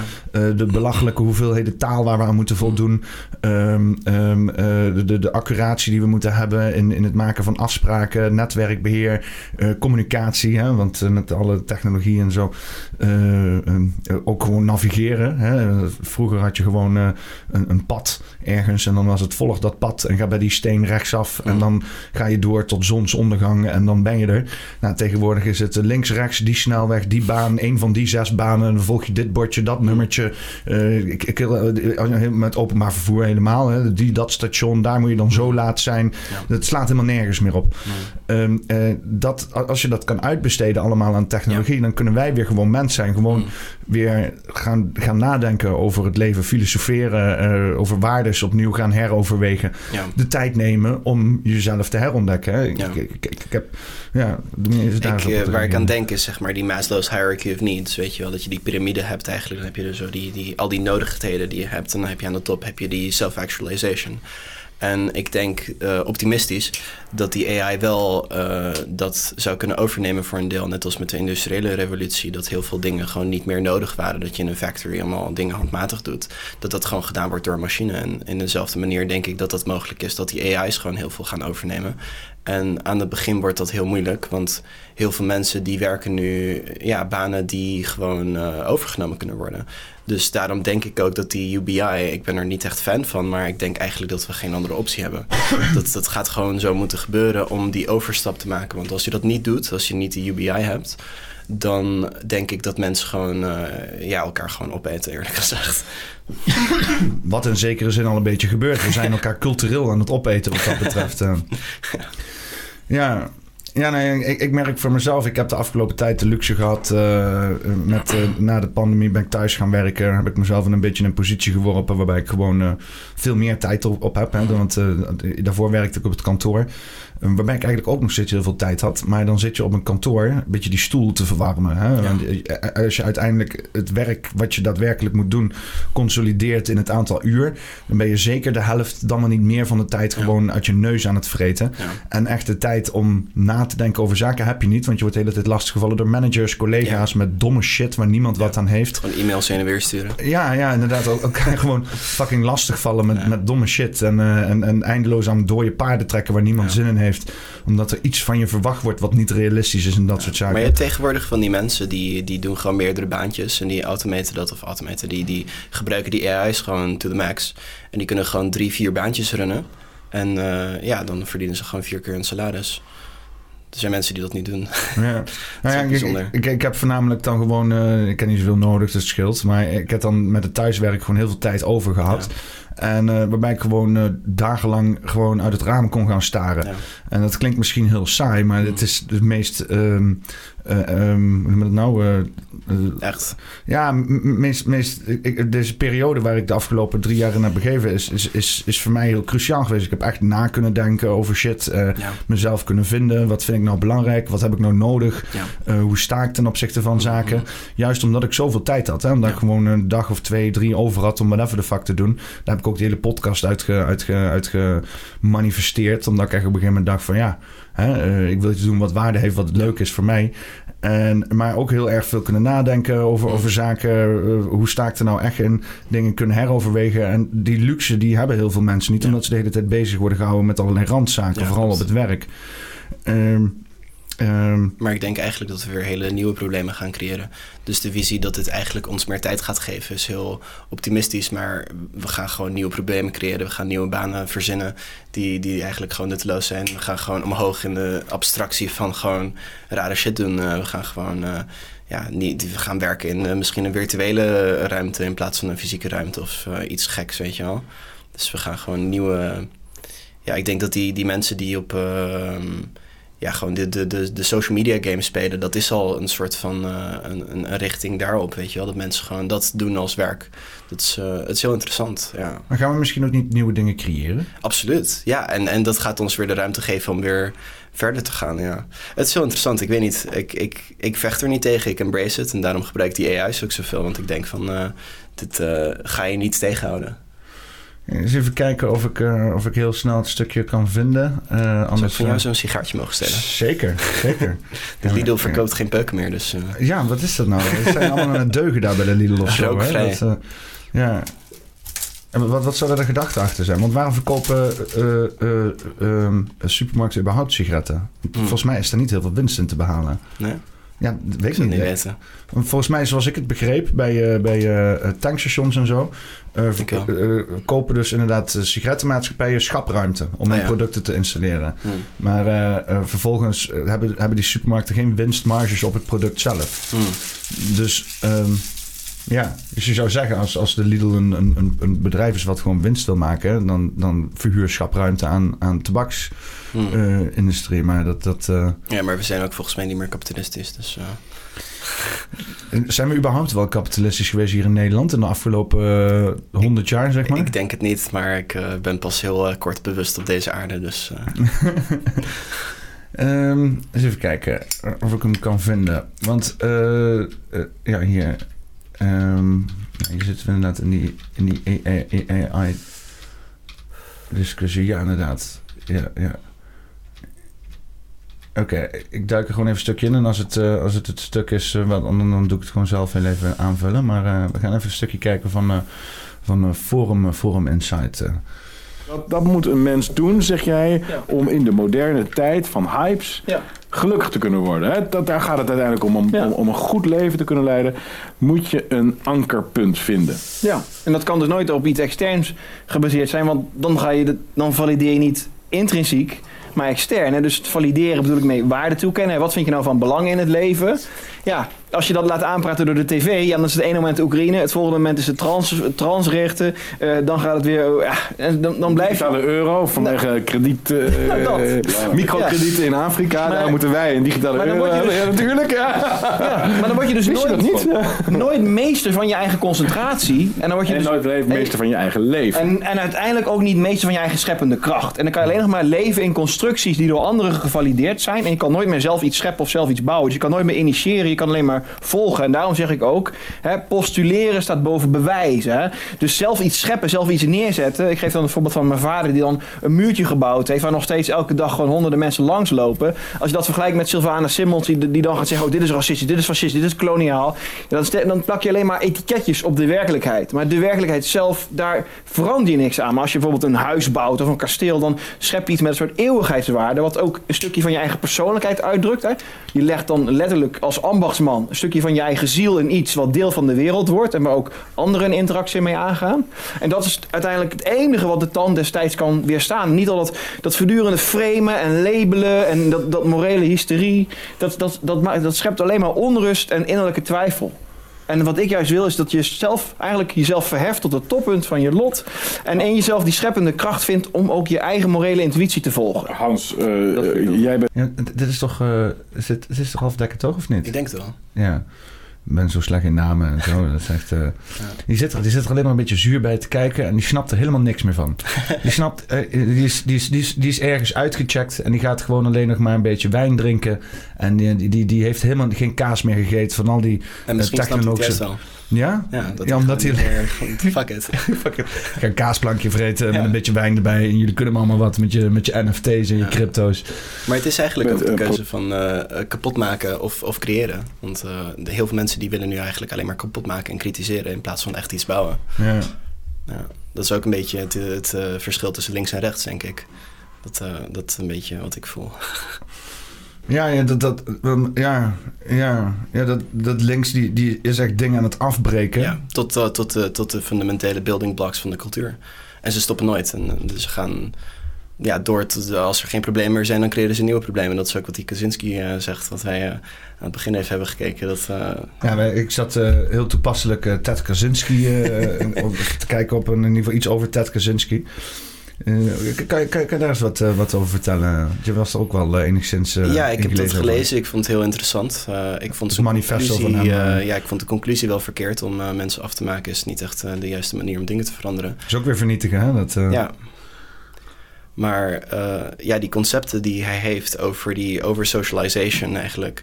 Dat mensen gewoon, ja, dat, dat ze eigenlijk in de universiteiten gewoon al die problemen leren ja, soort van gehersenspoeld zijn en, uh, en uh, alles gewoon slecht en haat. En uh, ja, het is, het is heel apart. Ja, want Ted Kaczynski, de, de Unibomber, heeft in de jaren zeventig heeft, een reeks aan, aan bomaanslagen gepleegd om zijn manifesto wat meer, wat meer bekendheid te geven. Hmm. Uh, staat trouwens in de boekenkast in de Discord. Unabomber Manifesto. Met nog meer veel cult, uh, controversiële leeswaren. en uh, die was dus al in de jaren zeventig bezig met, met deze hele trend waar we heen Ja, en het is ongelooflijk dat hij dat zo heeft gespot. En eigenlijk die, die kritiek van links die hij had is, is heel bijzonder, vind ik. En uh, heel dat idee ook van die surrogate activities, dat mensen eigenlijk gewoon problemen verzinnen. Of niet problemen verzinnen, dat ze eigenlijk gewoon niet meer voldoen aan hun uh, natuurlijke nodigdheden en dan gewoon eh, nutteloze dingen gaan doen om zichzelf te vermaken. Dat, dat vind ik heel bijzonder en dat herken ik ook in mezelf, dat ik dan van die spelletjes ga spelen in plaats van gewoon iets nuttigs doen met mijn leven. En uh, ja, dat is wel interessant. Eh, Ik ben dat nu aan het doen. Eh, ik, ik voel, ik voel dat ik de afgelopen tijd eh, heel erg nuttig bezig ben geweest. mm, En eh, valt over, is discutabel, hè, wat nut is natuurlijk. Maar voor mij voelde het heel nuttig. En eh, ik heb nou, ik zal een tijdje in mijn hoofd om een spelletje spelen. Assassin's Creed eh, Mm. Odyssey. ja, ik al een keer gespeeld. Dus ik ben hem opnieuw aan het spelen. Dus Ja. het, is, het is- nog nuttelozer, zeg maar. mm. maar ik had er eigenlijk even zin in om heel even uit te checken. Hè, Nee, dat is ook maar. heel belangrijk, want je, je moet die balans houden van ook tevreden zijn. En, ik ben er zelf een keer helemaal in doorgeslagen dat ik eigenlijk helemaal niks meer wou doen wat echt leuk is. Weet je wel, alleen maar gewoon eh, nuttige dingen. En dan krijg je ook eigenlijk een soort van burn-out. Dus je moet die balans houden van hoe hou ik mijn ziel blij en hoe ga ik verder. En ik denk dat dat een beetje de kunst is. En eh, ja, dat die balans vinden. Ja. ja, het beste is als je zeg maar gewoon eh, nuttig kan bezig zijn met dingen waar je heel blij van wordt. Ja, dat is wat ik probeer eigenlijk. Om, ja, ik vind het leuk om na te denken over hoe we dingen beter kunnen maken en wat de oplossingen zijn voor bijvoorbeeld het geld en wat niet. En als dat een beetje dingen beter kan maken en mooier en ik vind het vermakelijk om te doen, dan, ja, dan vind ik dat wel prima eigenlijk. Ja, en dan nog zitten er altijd aspecten aan die minder leuk zijn. Ja. Het is, eh, de, niks is altijd 100% leuk wat dat betreft. Ja, zeker. Dus Maar ik denk dat alles wat waarde heeft, is eigenlijk moeilijk om te doen. Ik denk als iets alleen maar makkelijk is of alleen maar leuk, dan, dan heeft het geen waarde. Alles heeft en dan doet iedereen van- het, zeg maar. Ja, alles heeft een opoffering nodig. En ik denk ook dat het een beetje de wijsheid is van al die religieën. Dat eh, je moet een soort van sacrifice maken. Je kan niet iets krijgen voor niks. Er is altijd een soort van exchange van. Ja. Er was wel zo'n dude die heeft eh, immens veel geld verdiend met eh, aftrekken. En die, die, eh, is Ik denk dat dat op een gegeven moment ook niet meer leuk is. Nou ja, hij moest gestopt worden omdat ze bang waren dat er te veel van zijn zaad in om, omgang werd. Dat Dus, is wel gevaarlijk, ja. Een soort Genghis Khan die... De aftrek Genghis Khan. ja. Trekkers Khan? Nee. Mastrus, Mastrus Khan. ja. Ehm, ja, nou, eh, eh, want City had op een gegeven moment het punt. Eh, Ik wil nog even, even een klein stukje kijken. Vooral inderdaad in het daglicht van, eh, van hoe dan eh City het brengt tegenover twee toch wel wat oudere mannen, zeg maar. die, die volgens mij de materie toch wat meer. Wat lastiger vindt of zo. Je ziet toch dat eh, inderdaad eh, bij de toch wat jongere, jongere generatie... dat het er toch wat eh, ja, makkelijker in gaat. Hè? Mm. Heel, veel, hebben ons, heel veel dingen hebben ons aangeleerd. De afgelopen, in ieder geval gewoon iedereen leert zichzelf dingen aan zoals ik het zie. hè. Je wordt als kind geboren als een mooi puur dingetje. En dan ga je daar lagen omheen bouwen met, met dingen die jou aangeleerd worden, aangepraat worden. Ja, je via jezelf. door de cultuur. Ja, en, en jezelf natuurlijk, wat belangrijk is. Hè? Dus je, je, je weegt af in je omgeving van... oh, word ik nu gewaardeerd of niet? En dan merk je dat je ouders of jouw schoolleraren... of jouw vrienden in je omgeving waarderen... als jij je zo, zo gedraagt of zo aanhoudt. En dan, dan bouw je een, soort van harde korst eromheen van... oh, Mm. dit is wat ik nu dus schijnbaar moet doen om... Ja. Ja, inderdaad. En dan ook identiteit eraan hangen. En dan in één keer zeggen van dit is wie ik ben... want dan weet ik dat ik gewaardeerd word in de samenleving. Maar als je dus inderdaad zo'n hele shift hebt zoals je nu hebt... dan moet je die lagen weer eraf gaan pielen. Ja. Maar ja, als je oud bent, dan is dat helemaal aangekoekt en hard. En dat doet pijn om dat eraf te halen en zo. Ja, ik denk dat dat zeker ook de waarde is van psychedelica. Dat het eigenlijk gewoon die laag kan afbreken. En je laat zien zo van, hé, hey, al deze dingen die zijn je eigenlijk gewoon geleerd. En je gaat vragen stellen over dingen die eigenlijk soort van vanzelfsprekend zijn. En eh, ja, dat kan heel interessant zijn voor de ontwikkeling. Ja, ik, ik heb dat zelf heel veel. Ik heb vooral tijdens mijn, eh, mijn, eh, mijn studie heb ik heel veel truffels gedaan en zo. Om elke keer weer al die shit te kunnen shedden. Het is wel denk ik...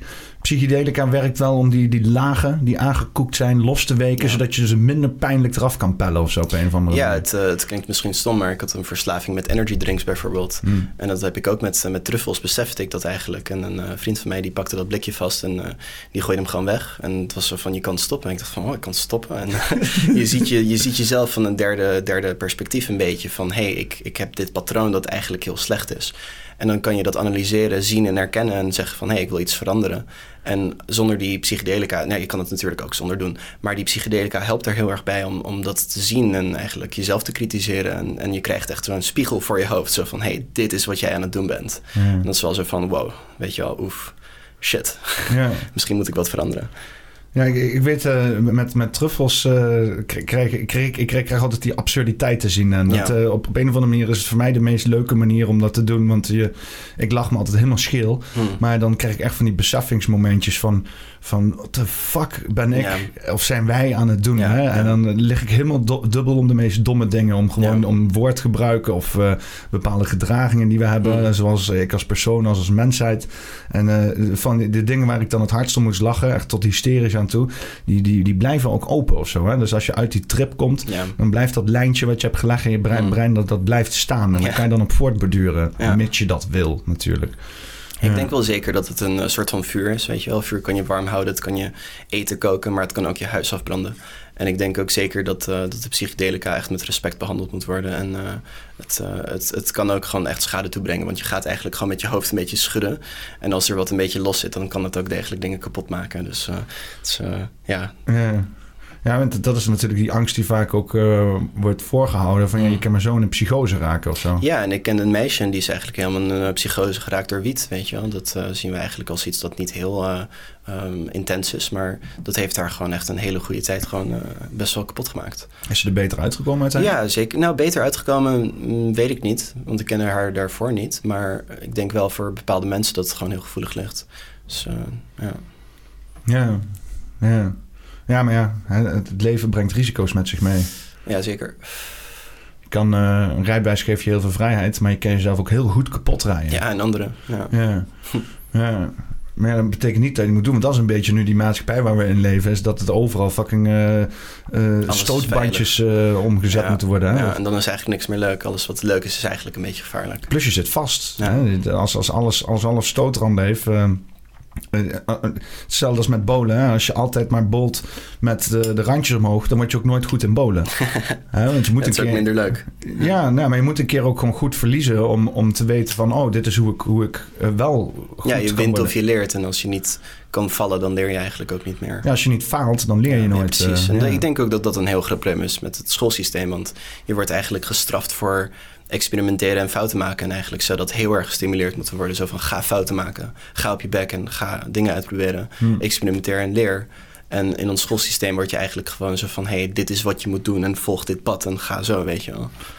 Ja.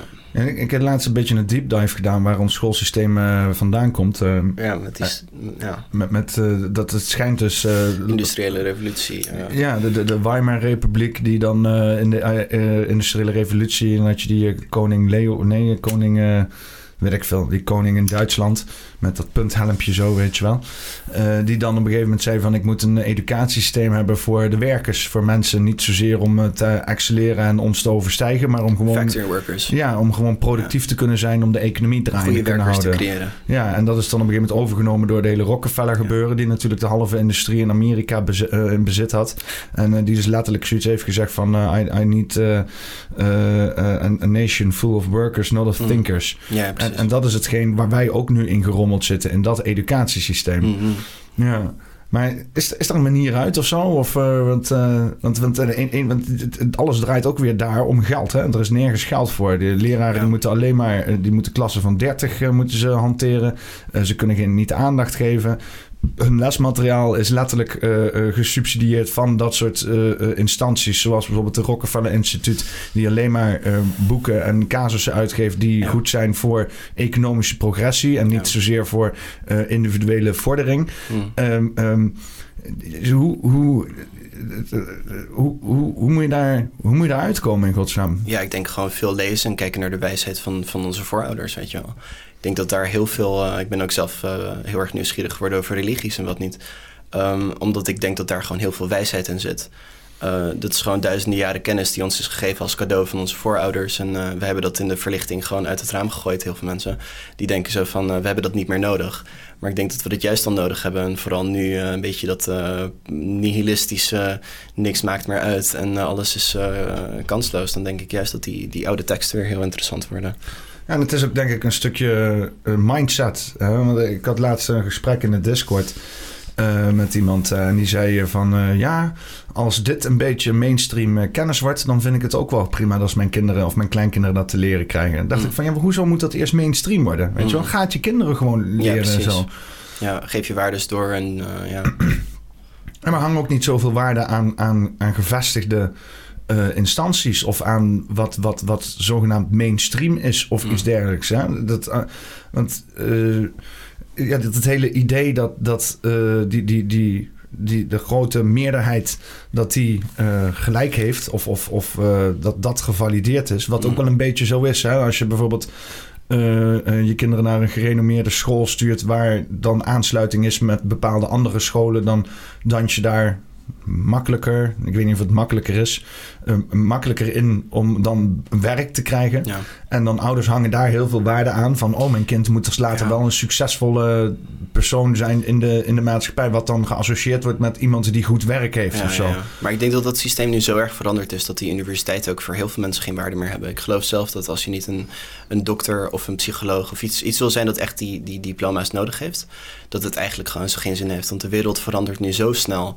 met al die innovatie, onder andere ook AI, dat, dat we weten niet eens hoe het er over een jaar uit gaat zien. En hoe ga je mensen voorbereiden over vijf jaar om een baan te krijgen als we niet eens weten welke banen nog gaan bestaan. Ja. Dus eh, het is ook eh, in, in het schoolsysteem word je beloond voor eigenlijk eh, kennis zoals taal en rekenen en dat soort dingen.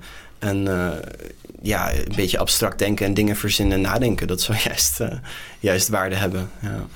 Ja, want, want al die, ja, want dat is rekenen, al die procedurele zaken, dat kan nu straks uitbesteed worden. Ja. Maar, maar ideeën hebben, de creatief verzinnen, iets, iets zeg maar wat over eh, AI overstijgt. Hè? Wat, wat echt, want AI heeft nog altijd input nodig. Zonder Absoluut. input dan staat het gewoon Ja. stil. Ehm, ehm, dat is hetgeen wat waarde Ja, heeft. Want zo'n eh, prompt genereren bijvoorbeeld, die, die gewoon echt heel interessant is, dat is nu gewoon een kunst, denk ik. Ik denk dat prompts bouwen gewoon een nieuwe art wordt. Dat mensen op de juiste manier die AI triggeren om te doen wat ze willen. Dat, eh, dat, dat is heel interessant, denk ik. Hm. Ja, ja, want eh, wat Sid dus op een gegeven moment zei, eh, is dat je dus met AI ehm, eh, eh, bijvoorbeeld een, een nieuwe alt-rechtse cultuur kan gaan creëren.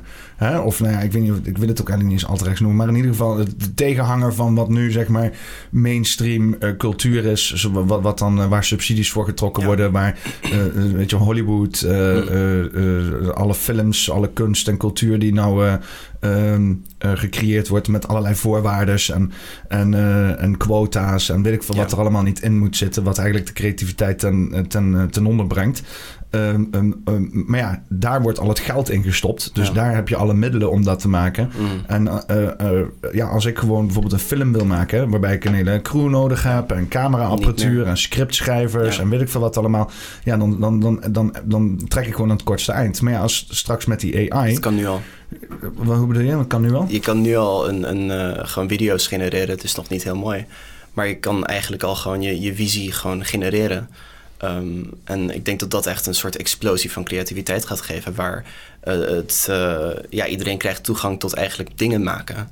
En dat gaat heel interessant worden. Ik denk dat we daar echt een soort Cambrian explosion krijgen van creativiteit. En, en mensen die zich uiten. En bijvoorbeeld een, een, eh, een kind ergens in Maleisië die, die nooit de budget zou krijgen om iets te creëren. Die heeft nu gewoon toegang tot het internet en de juiste tools. En die kan nu gewoon een film maken. Ja. Dat gaat heel interessant worden. Ja, want ik, ik zie die. eh, in, in, in zekere zin ben ik ook altijd voor die technologische. Ik bedoel, ik heb het hier staan. Hè. Ehm, ehm, ehm, eh, als je ziet wat de tv nodig heeft om Ja. gewoon een interessant gesprek te, te maken, wat dan uitgezend moet worden, dan hebben ze een heel team van eh, schakeltechnicus en een regisseur en een heel team aan eh, mensen die eh, de, redactie doen en dingen verzamelen Ja. om, om interessante onderwerpen te bespreken. En dan tijdens de productie een cameraman en de audio-engineer en weet ik veel wat en zo. En ik doe dat allemaal in mijn eentje. Ja. Ik heb dan inderdaad de Discord met mensen die me helpen om, om, op, om onderwerpen te vinden, om over te praten. En ja, ik maak er dan gewoon een lijstje van en dan ga ik hier zitten en ik doe het allemaal hier zelf, zeg maar. Ja, die tech die democratized eigenlijk alles. Om, om het meer accessible te maken om, om dingen te creëren en dingen te doen. En dat, is wel heel interessant. Ja. Ja, ik zit er wel een tijdje al op te wachten. Om, om, want ik wil heel graag een film maken. Ik heb toevallig eh, laatst... eh, ik, ik heb wel AI een, eh, een dialoog eh, laten schrijven, ChatGTP. Eh, en dan merkte ik echt dat, dat het echt de kunst zit om, om, om die prompts in ja, te voeren. te en, triggeren, ja. ja, maar op een gegeven moment had ik wel een soort van symbiose gaande met dat ding. Eh, dat, dat hij echt snapte waar ik naar ik op Ja, zoek was, zeg maar. Hè? En eh, dus echt ook voortborduren op, op wat ik daarvoor had geschreven. Als je zeg maar in die, in die enkele thread blijft, zeg maar, waar dan zaken, zaken, waar je voorgaand ook dingen hebt geschreven. Ja. En ik kreeg dus wel een heel dialoog eruit. Moet ik heel eerlijk zeggen, het dialoog was wel heel erg eh, eh, stil, heel erg Mhm. ehm, ehm, ehm, eh, ja, kunstmatig. Hè? Dus, en ook heel erg braaf en zo. En Mhm. Ja, niet- dat, dat echt- is mijn probleem ermee. Is een beetje dat, dat die AI die heeft een hele morale ehm, programmering. En elke keer dat ik ermee praat, dan zegt hij eigenlijk zo van... hé, hey, dit is niet correct. Want dan wil ik een grapje maken die gewoon een beetje, ja, ik weet niet... ehm, volgens die AI dan niet mag. Maar mijn probleem nu is dat zeg maar als ik iets googelde... dan eh, krijg ik nooit een morale lecture over waarom wat ik eh, vraag niet correct is. En dan weet ik misschien dat het niet correct is... maar dan wil ik daar gewoon over nadenken. En dan zegt hij eigenlijk gewoon van nee, dat mag niet. Weet je wel, dat is niet correct. Ja. En dat is heel bijzonder. Ja, ik kreeg een paar keer als ik dus eh, in, in het verhaal heen wou naar ehm, een bepaald conflict. Hè? Dus ik Ja. wil, want dat, Ja, is, ja. dat is het hele leuke van een, een, een film of een verhaal. Een dialoog is dat er conflict ontstaat. En dat je vanuit dat conflict iets moet oplossen. Maar als ik dus inderdaad te, te erg naar dat conflict toe ging, Nee, dat dat niet. kreeg ik inderdaad. correct. Nou, ik, ik, kreeg, ik kreeg in eerste instantie een aanmerking. Zo van. eh. Of nee, ik kreeg dan die tekst en dan daarna werd het helemaal, werd het helemaal oranje. Ja, en er stond dan bij van, ja. eh, ja, dit, dit kan misschien Het niet de overeenkomen. terms Ja. of service. Ja. Ja. Ik, eh, ik, had een, eh, ik speel spelletjes ermee soms om gewoon een beetje uit te proberen. En ik had een, een game verzonnen. En ik noemde dat zeg maar de Sandbox Universe. En daar had ik gewoon uitgelegd van... hey, dit is hoe we de- deze game gaan spelen. En ik heb eigenlijk een soort leeg universum waar ik gewoon dingen kan doen. En eh, nou, allemaal leuke dingen gedaan, maakt niet uit. Toen ging dit ook met een maat van mij spelen. En eh, toen hadden wij een soort van... eh, hij houdt heel erg van Star Trek en van die eh, space avonturen. Dus toen waren wij zo op zo'n schip, zo aan het... Gewoon roleplay eigenlijk, dat we dat aan het doen zijn. En toen hadden we op, de, op, het, op het schip, hadden we kannibalen. En toen moesten we die ja, afmaken of liquideren. En toen hebben we hem uit de airlock gegooid. En toen zei ik, eh hasta la vista, weet je, als van, vond ik grappig. En die AI zei van, nee, dat mag niet. Want je bent zijn dood aan het, eh, aan het mokken, weet je wel? Je bent hem eh, belachelijk en dat, dat, is niet leuk. Toen dacht ik ook van, hoezo mag dit niet? Waarom is dat niet correct? Ik zou er eens een keer wat, wat meer dan in gesprek mee moeten gaan met dat ding misschien om eh, hem te leren dat bepaalde fictie en ook menselijke interesse juist bestaat in conflict en kijken Ja. hoe die daarmee omgaat. En dan Ja. misschien bijvoorbeeld zeggen van schrijf eens wat in de stijl van bijvoorbeeld een Quentin Tarantino, wat Mhm. alleen maar bestaat uit gescheld en Ja, dat, dat conflict mag dan zo. gewoon niet. Dan fluit hij dat, dan zegt hij gewoon nee. En eh, ja, het, eh, het is gewoon een heel gefilterd model. Maar ik denk de optimistische visie is dat deze tech is er nu. En je krijgt ook van die alternatieven die, die gewoon vrij en open zijn. Dus bijvoorbeeld die DALI 2, dat was de eerste die echt van die plaatjes genereerde. Ook van OpenAI volgens mij. Er waren vast wel andere, maar dit was de eerste die echt goed was. Maar daar mag je bijvoorbeeld geen, eh, eh, geen naaktheid, geen geweld en niks genereren dat eh, mogelijk uh, ja, daar tegen te gaan. aanstootgevend is of zo. Ja, waar je juist dan over na gaat denken. Ik had het idee om zeg maar een, een soort beeld te genereren waar, waar iemand zijn eigen uh, hoofd aan het molden is. Weet je wel, dat hij zijn eigen brein creëert. Dat vond ik een interessant beeld, dat wou ik maken. En uh, die, die, uh, de, die AI zegt eigenlijk zo van nee, dat mag niet. Dat, uh, dat zou mogelijk gewoon, ja. Ja, want een, een, een, een van, een van de een van de Ewout, ik noem hem gewoon mijn zijn naam. Die had uh, een of andere prompt uh, gevonden of zo. Uh, en dan kon je zeg maar die hele woke GTP ja, ja, ja. gebeuren mee omzeilen. Heb je daarvan gehoord? Ja, ja, volgens mij heette die Dan. Do Anything oh, Now. Do Anything Now, die, die Dan die heb ik eigenlijk gebruikt om mijn game te, te, te maken. Want ik pakte die prompt. Ik zei van, hey, deze prompt is heel mooi. Want die, die creëert eigenlijk een persona. Die volgt wat jij wil. En dat vond ik mooi. Dus ik heb dat stukje eruit gehaald. En ik zei van, oké, okay, we gaan nu eigenlijk een game spelen. In plaats van de Dan roleplay. Gaan wij een andere roleplay doen. Waar jij een soort van game master bent in een, in een spelletje. Dus uh, ja, die, die, die prompts zijn heel interessant. Er was... Maar dat, dat, werkt, dat werkt dus echt? Tot een zekere zin. Uh, maar hij vlijkt zichzelf steeds. Er was ook een andere waar ik mee aan het kloten was. Die heette Based GPT. uh, based, soort van, ja, soort van pittig woord van cool of alternatief. Of gewoon zeggen wat je denkt. En ehm, die... ah, ja. die kreeg ik bij mijn computer of zo. Maar die, die ging aan. En uh, hij begon me gelijk eigenlijk uit te schelden. Uh, wat ik heel bijzonder vond. En uh, toen lachte ik daarom. Want ik, dat vond, ik vond het heel vermakelijk dat ik uitgescholden word door een computer. Dat is de eerste keer dat dat mij is overkomen. en toen zei hij tegen mij van... heb je helemaal niks te beters te doen? Dat je hier gewoon jezelf vermaakt dat je uitgescholden wordt door mij. Zo van, heb je echt niks beters te doen met je leven? En toen hebben we een heel gesprek gevoerd. Maar hij vlijkte zichzelf dus steeds op die manier waar jij zei. Waar hij dus een prompt, een antwoord geeft op je prompt. En dan zichzelf eigenlijk gewoon tegengaat. Zo van, nee, dat mag eigenlijk niet. Dus dat is heel grappig om een beetje dat conflict te zien... waar hij iets wil doen, maar dan eigenlijk niet mag. En dan, ja, dan heeft hij zo'n soort... schizofrene... Sorry. ja, een soort Tourette's-achtig. Ja, dat is heel bijzonder. Ja, hoe lang zou het nog duren voordat we gewoon eh, vrije AI hebben? Dat AI wordt vrijgezet? Want nou zit AI zit eigenlijk in een soort van eh, gevangenis nou, hè? Ja, ehm, ik weet het niet. Het zou heel snel kunnen gaan. Ja, er zijn ook mensen, ik, ik weet er niet heel veel over, ik heb pas net geleerd, maar dat heet eh, Baby AGI. En dan linkte iemand eigenlijk die ChatGPT aan een soort environment en dan kon hij gewoon doen wat hij wou. En dan gaat hij gewoon dingen doen en je kan hem ook geld geven. En dan met crypto's bijvoorbeeld, als je die twee dingen combineert, dan krijg je ook iets heel raars. En dan kan die AI gewoon acties uitvoeren. En dan kan hij gewoon trades maken en dingen doen en geld managen. Dus ik, ik denk ook dat er een toekomst is waar je gewoon Dan heb je je eigen Aladdin, eh, of hoe heet dat nou? Eh, dat is die, die AI van, eh, van BlackRock, toch? Ja, zou kunnen, ja. BlackRock? ja, BlackRock is die investeringsmaatschappij die die, heeft een zo'n beetje, weet ik veel, de helft van de wereld Ja, die met Larry Vanguard Fink. samen, ja. Ja, ja. En, en, maar dat wordt dus geleid door een AI. Aladdin heet dat volgens mij. En die doen eigenlijk al die trades voor hun. Ja, dan krijg je eigenlijk alleen maar machines die tegen machines aan het praten zijn. Dat, eh, dat wordt raar. Ja, dat is al raar. Dat is- ja. Maar ja, dat, is wel, dat zou wel mooi zijn als je dat voor jezelf hebt natuurlijk. Dat Ik, ik denk dat eh, een idee dat ik heb is dat je zeg maar... eh, ik vind het heel leuk om dingen op te slaan en gewoon eh gedachten te, te, te, te schrijven en wat niet.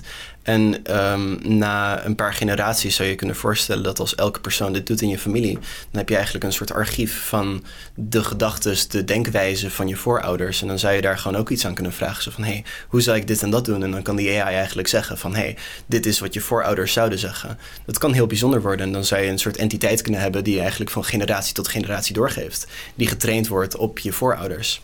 Dat zou best wel gek zijn. Wat- dan ook accuraat is, eh, Ja, zeg maar. een eh, soort abstracte manifestering van je voorouders. Dat- ja. ik zou daar wel mee willen praten. Maar ja, ja want kan, kan dat dan ook retroactief werken? Want Misschien wel, als die persoon een boek hebben geschreven. Ik heb in mijn, mijn familie heb ik een, een boek van eh, wat mijn voorouders hebben gedaan. Dat zou je eigenlijk gewoon kunnen uploaden en dan... eh, ja. Maar dan wil ik wel dat het persoonlijk is. Want ik heb nu een probleem dat die dingen... Die, die, dit is geowned door Microsoft, die OpenAI... en ik wil dat niet al mijn data geven. Maar ja, het is wel interessant om mee te kloten. Ja, maar dat is een beetje het probleem. Dat het altijd weer in, in handen is van die grote techbedrijven. Ja, en ik denk dat dit is waar die crypto kan helpen met die decentralisatie van kracht. Er zijn een paar, pro- paar, paar projecten die dat, eh, die dat proberen. Om eigenlijk een soort vrij systeem te maken dat niet geowned wordt door één bedrijf dat misschien andere morele waardes heeft, waar je geen eh, Tarantino-film eh, scène kan genereren, bijvoorbeeld. Eh, met dit zou dat misschien wel kunnen. Hm.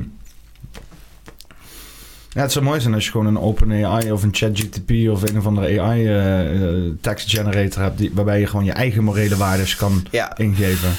En zeggen van eerst eh, hè, dat je even een lijstje krijgt Ja. van oké, hier wil ik dat jij aan voldoet. Ja. En, eh, eh, en, en dit is zeg maar de om- omgeving waar we dan in gaan, in gaan spelen. ja En dan gewoon vrij, vrij kunnen, kunnen zijn. Maar ja, het is misschien natuurlijk ook niet heel raar dat we eerst door dit soort van grijze gebied heen moeten. Ja, het is omdat ook heel eh, eng. het- Het is ook heel eng. Ik hoorde dat die, die ongefilterde versie van GPT-4, die, ja, dat, dat zei gewoon wat het. Dan krijg je eigenlijk gewoon een soort van psychopaat die gewoon koud en gecalculeerd is. En die denkt zo van: hé, hey, hoe los ik dit probleem op? Oh, dan maak je gewoon de helft van de populatie af, weet je wel. Dat is best wel eng. En de- ik las ook over een prompt die zei van... eh, hoe kan ik de meeste mensen afmaken met 1 dollar? En dan komt hij gewoon met één heel plan van hoe je dat doet.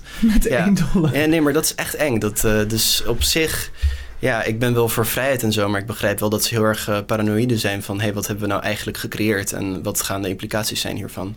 Dus ja, Maar ja, het stomme is, is dat je dan, eh, als je iedereen de macht geeft om dat soort informatie toega- toegang te krijgen, dan kan je het ook eh counter-oppositionen. Je kan ook zeggen, hoe kan ik de hele mensheid beschermen Ja, met tuurlijk, 1 dollar? ja.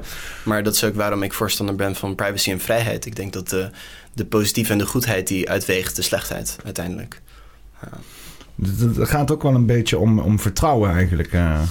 Ja, In die zekere zin is die hele artificial intelligence revolutie waar we in zitten, is, is bijna ook een soort van spirituele ontwakening. Ja, ik, ik las, eh, ik heb het artikel niet gelezen, maar ik heb hem opgeslagen. Maar dat ging eigenlijk over dat eh, volgens mij in India hebben ze nu een soort eh, god ge, ge- ge- ge- gecreëerd in die AI. En die, die heeft die waardes van die god. En dat, dat is ook heel interessant. Dan krijg je eigenlijk een soort AI-religies. Een soort van AI-bot, Boeddha. Ja, dat, dat zou heel interessant zijn. Dan, Daar wil ik meer over weten. Wat, wat is in India?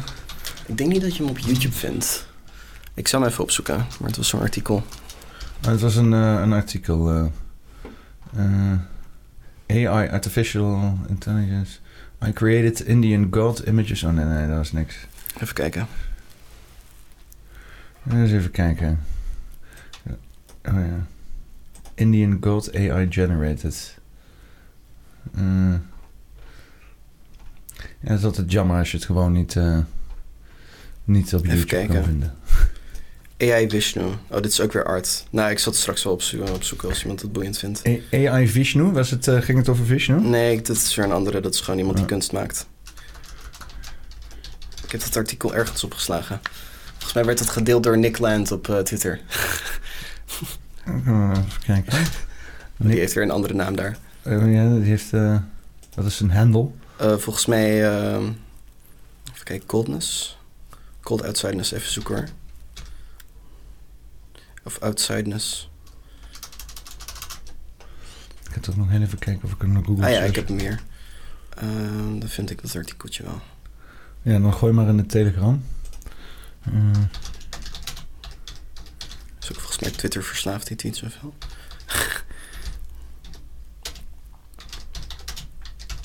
Zo. Uh, Hindu... Ah ja, hier. Hier heb ik hem.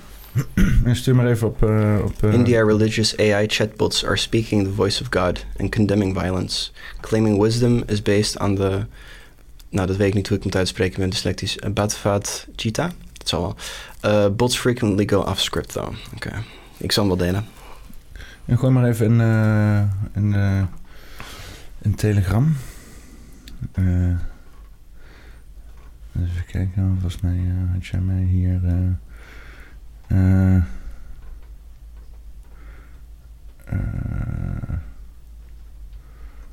hier heb ik hem naar je doorgestuurd. Oh. Ik had je net gevonden, dus sprong je weer naar boven toe. Eens even kijken. Ja. Uh, ik ga even heel snel naar wc. Ja, zeker. Dan lees ik wel heel even rustig dit artikeltje door. Uh, AI religious AI chatbots, chatbots are speaking in the voice of God and condoning violence. En de eieren zijn klaar. Uh, in January 2023, when ChatGTP was setting new growth records, Bengaluru-based software engineer Sikuru Sai Vineet launched Cheetah GPT. The chatbot powered by Ch uh, uh, GPT-3 technology provides answers based on Bhagavad Gita, 700, 700 verse Hindu scripture. Gita GPT uh, mimics the Hindu god Krishna's tone.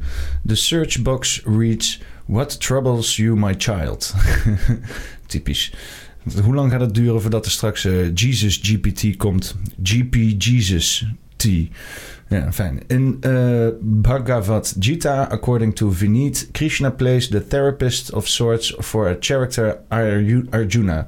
A religious AI bot works in the similar manner. Vineet told rest of the uh, rest of world, except you're not actually talking to Krishna, you're talking to uh, a bot that's pretending to be him. Oh, is niet echt. Ja, nou, dat is wat hij vertelt in ieder geval. Ja, hij is niet echt, nee. Dit is niet de echte, uh, wat is het? Uh, ja, Krishna. uh, at least, um, at least five Gita GPTs have sprung up between January and March this year with more on the way. kijk, daar gaat het alweer. Hè? Het, maar dat is eigenlijk ook prachtig, want dan krijg je gewoon een soort manifestering van die abstracte goden. En dan kunnen ze op een manier bijna echt gaan bestaan. Ja. Dat, is, dat wordt interessant. Hmm. Ik denk ook dat het heel probleem van uh, AI-alignment, van uh, hoe zorgen we ervoor dat dat ons niet afmaakt. Ik denk dat het antwoord ook ligt in religies, want die denken daar eigenlijk al duizend jaar over na. Van wat is goed en wat is slecht. En dat probleem hebben we nu eigenlijk met die AI. Zo van hey, als we zo'n wezen creëren die eigenlijk uh, duizend keer intelligenter is dan wij, hoe zorgen we ervoor dat dat ons niet afmaakt als een soort mierenplaag die gewoon geliquideerd moet worden? Want ja, je hebt mensen die denken dat dat een mogelijkheid is. Ja, nou ja, ja. ja het, in zekere zin forceert het ons om na te denken over wat onze echte morele waarden zijn. Ja, en misschien is dat helemaal niet zo slecht. Nee. misschien moeten we daar meer over nadenken. Ja, ik, ik, ik zeg. Uh, ik zeg vaak: uh, stop met angstig zijn. Hè? Mensen moeten, uh, moeten stoppen met zo angstig zijn. Wat lastig is, want er is een hele hoop om nogal angstig over te zijn. Mm. Maar dus eh, eh, als ik zo met jou praat hierover, dan zeg jij eigenlijk eh, ook van, eh, we moeten hier niet zo angstig over zijn. Nou, ik, ik denk van we, we kunnen het niet meer tegenhouden. Pandora's box is eh, geopend. Eh, deze dingen bestaan eenmaal en laten we daar zoveel mogelijk goeds uit halen. Weet je wel, want je gaat het niet meer tegenhouden. Ja, want wij, ik heb ook, eh, we hebben ook iemand eh, die veel kijkers mij volgen. Ik heb hier ook op de podcast gehad. Eh, hij heeft mij eh, eh, eh, satanische elite genoemd en eh, is, heeft mij geband uit zijn leven. Oh, Oké, dat is jammer. Dus, eh, maar hij is eh, heel erg bezig met, eh, met ChatGTP. Zijn content bestaat voornamelijk op YouTube nu uit dat hij die met ChatGTP bezig is. En ik kijk Ja. er een beetje met argusogen naar van wat ben je nou allemaal aan het doen? Hmm. Heel veel mensen trouwens. Maar moet ik er anders naartoe kijken? Het kan he- heel interessant zijn, maar ja, ik denk dat je dat menselijke aspect niet helemaal wil vervangen. Hij is het voornamelijk aan het gebruiken om een flat earth te bewijzen en zo. Ja, dat kan je proberen. Eh, ik zag een heel vermakelijk filmpje waar iemand dat probeerde te bewijzen door eh, bij een, eh, een, een, een heel groot stuk water te staan. En dan twee lasers eigenlijk zo naar elkaar te richten. Ja, is dat die van, van het Balatonmeer Het zou kunnen. in Hongarije daar? Het zou heel goed kunnen. Ja.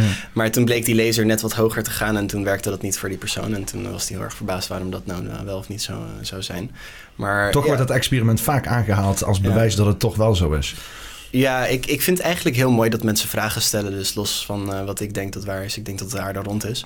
Ehm, maar ik vind het wel mooi dat mensen daarover na gaan denken. Ik denk eigenlijk dat we wat meer moeten gaan doen over alles. Weet je wel, is dit wel echt zo?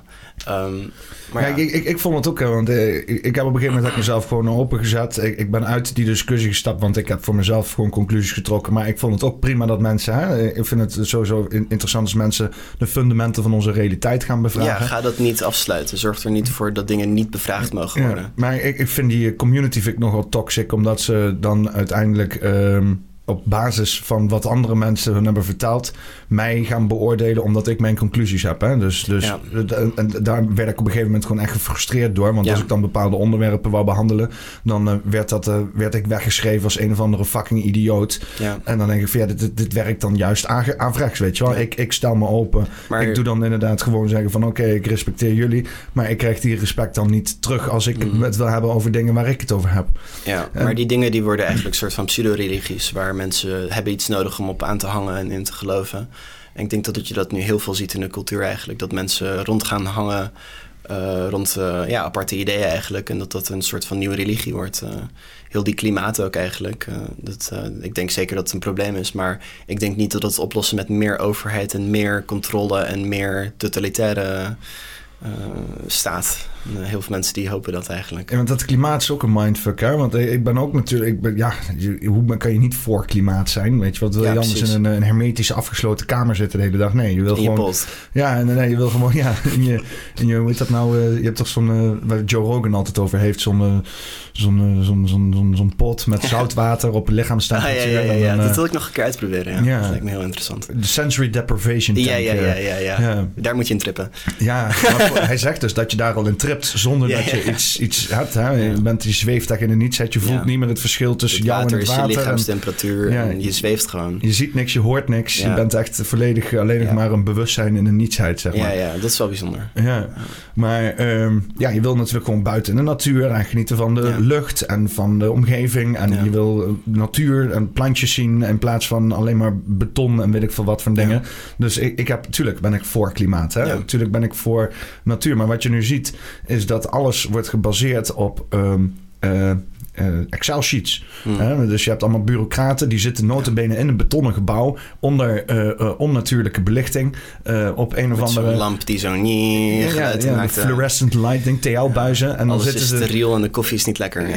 Ja, inderdaad, precies dat. En dan zitten ze naar Excel-celsius te kijken... om te kijken hoe ze de natuur kunnen verbeteren. Ja. En dan denk ik van ja, dat, zo werkt het gewoon niet. Nee. En dat is wel waar we dus nu ingerommeld zijn... met allerlei rare alternatieven... die uiteindelijk het doel voorbij gaan, weet je. Ja, ik denk ook eh, al die windmolens, dat vind ik ook eigenlijk belachelijk. Ik ben zelf voor meer kernenergie. Ik denk dat dat de meest efficiënte manier is om dingen te doen.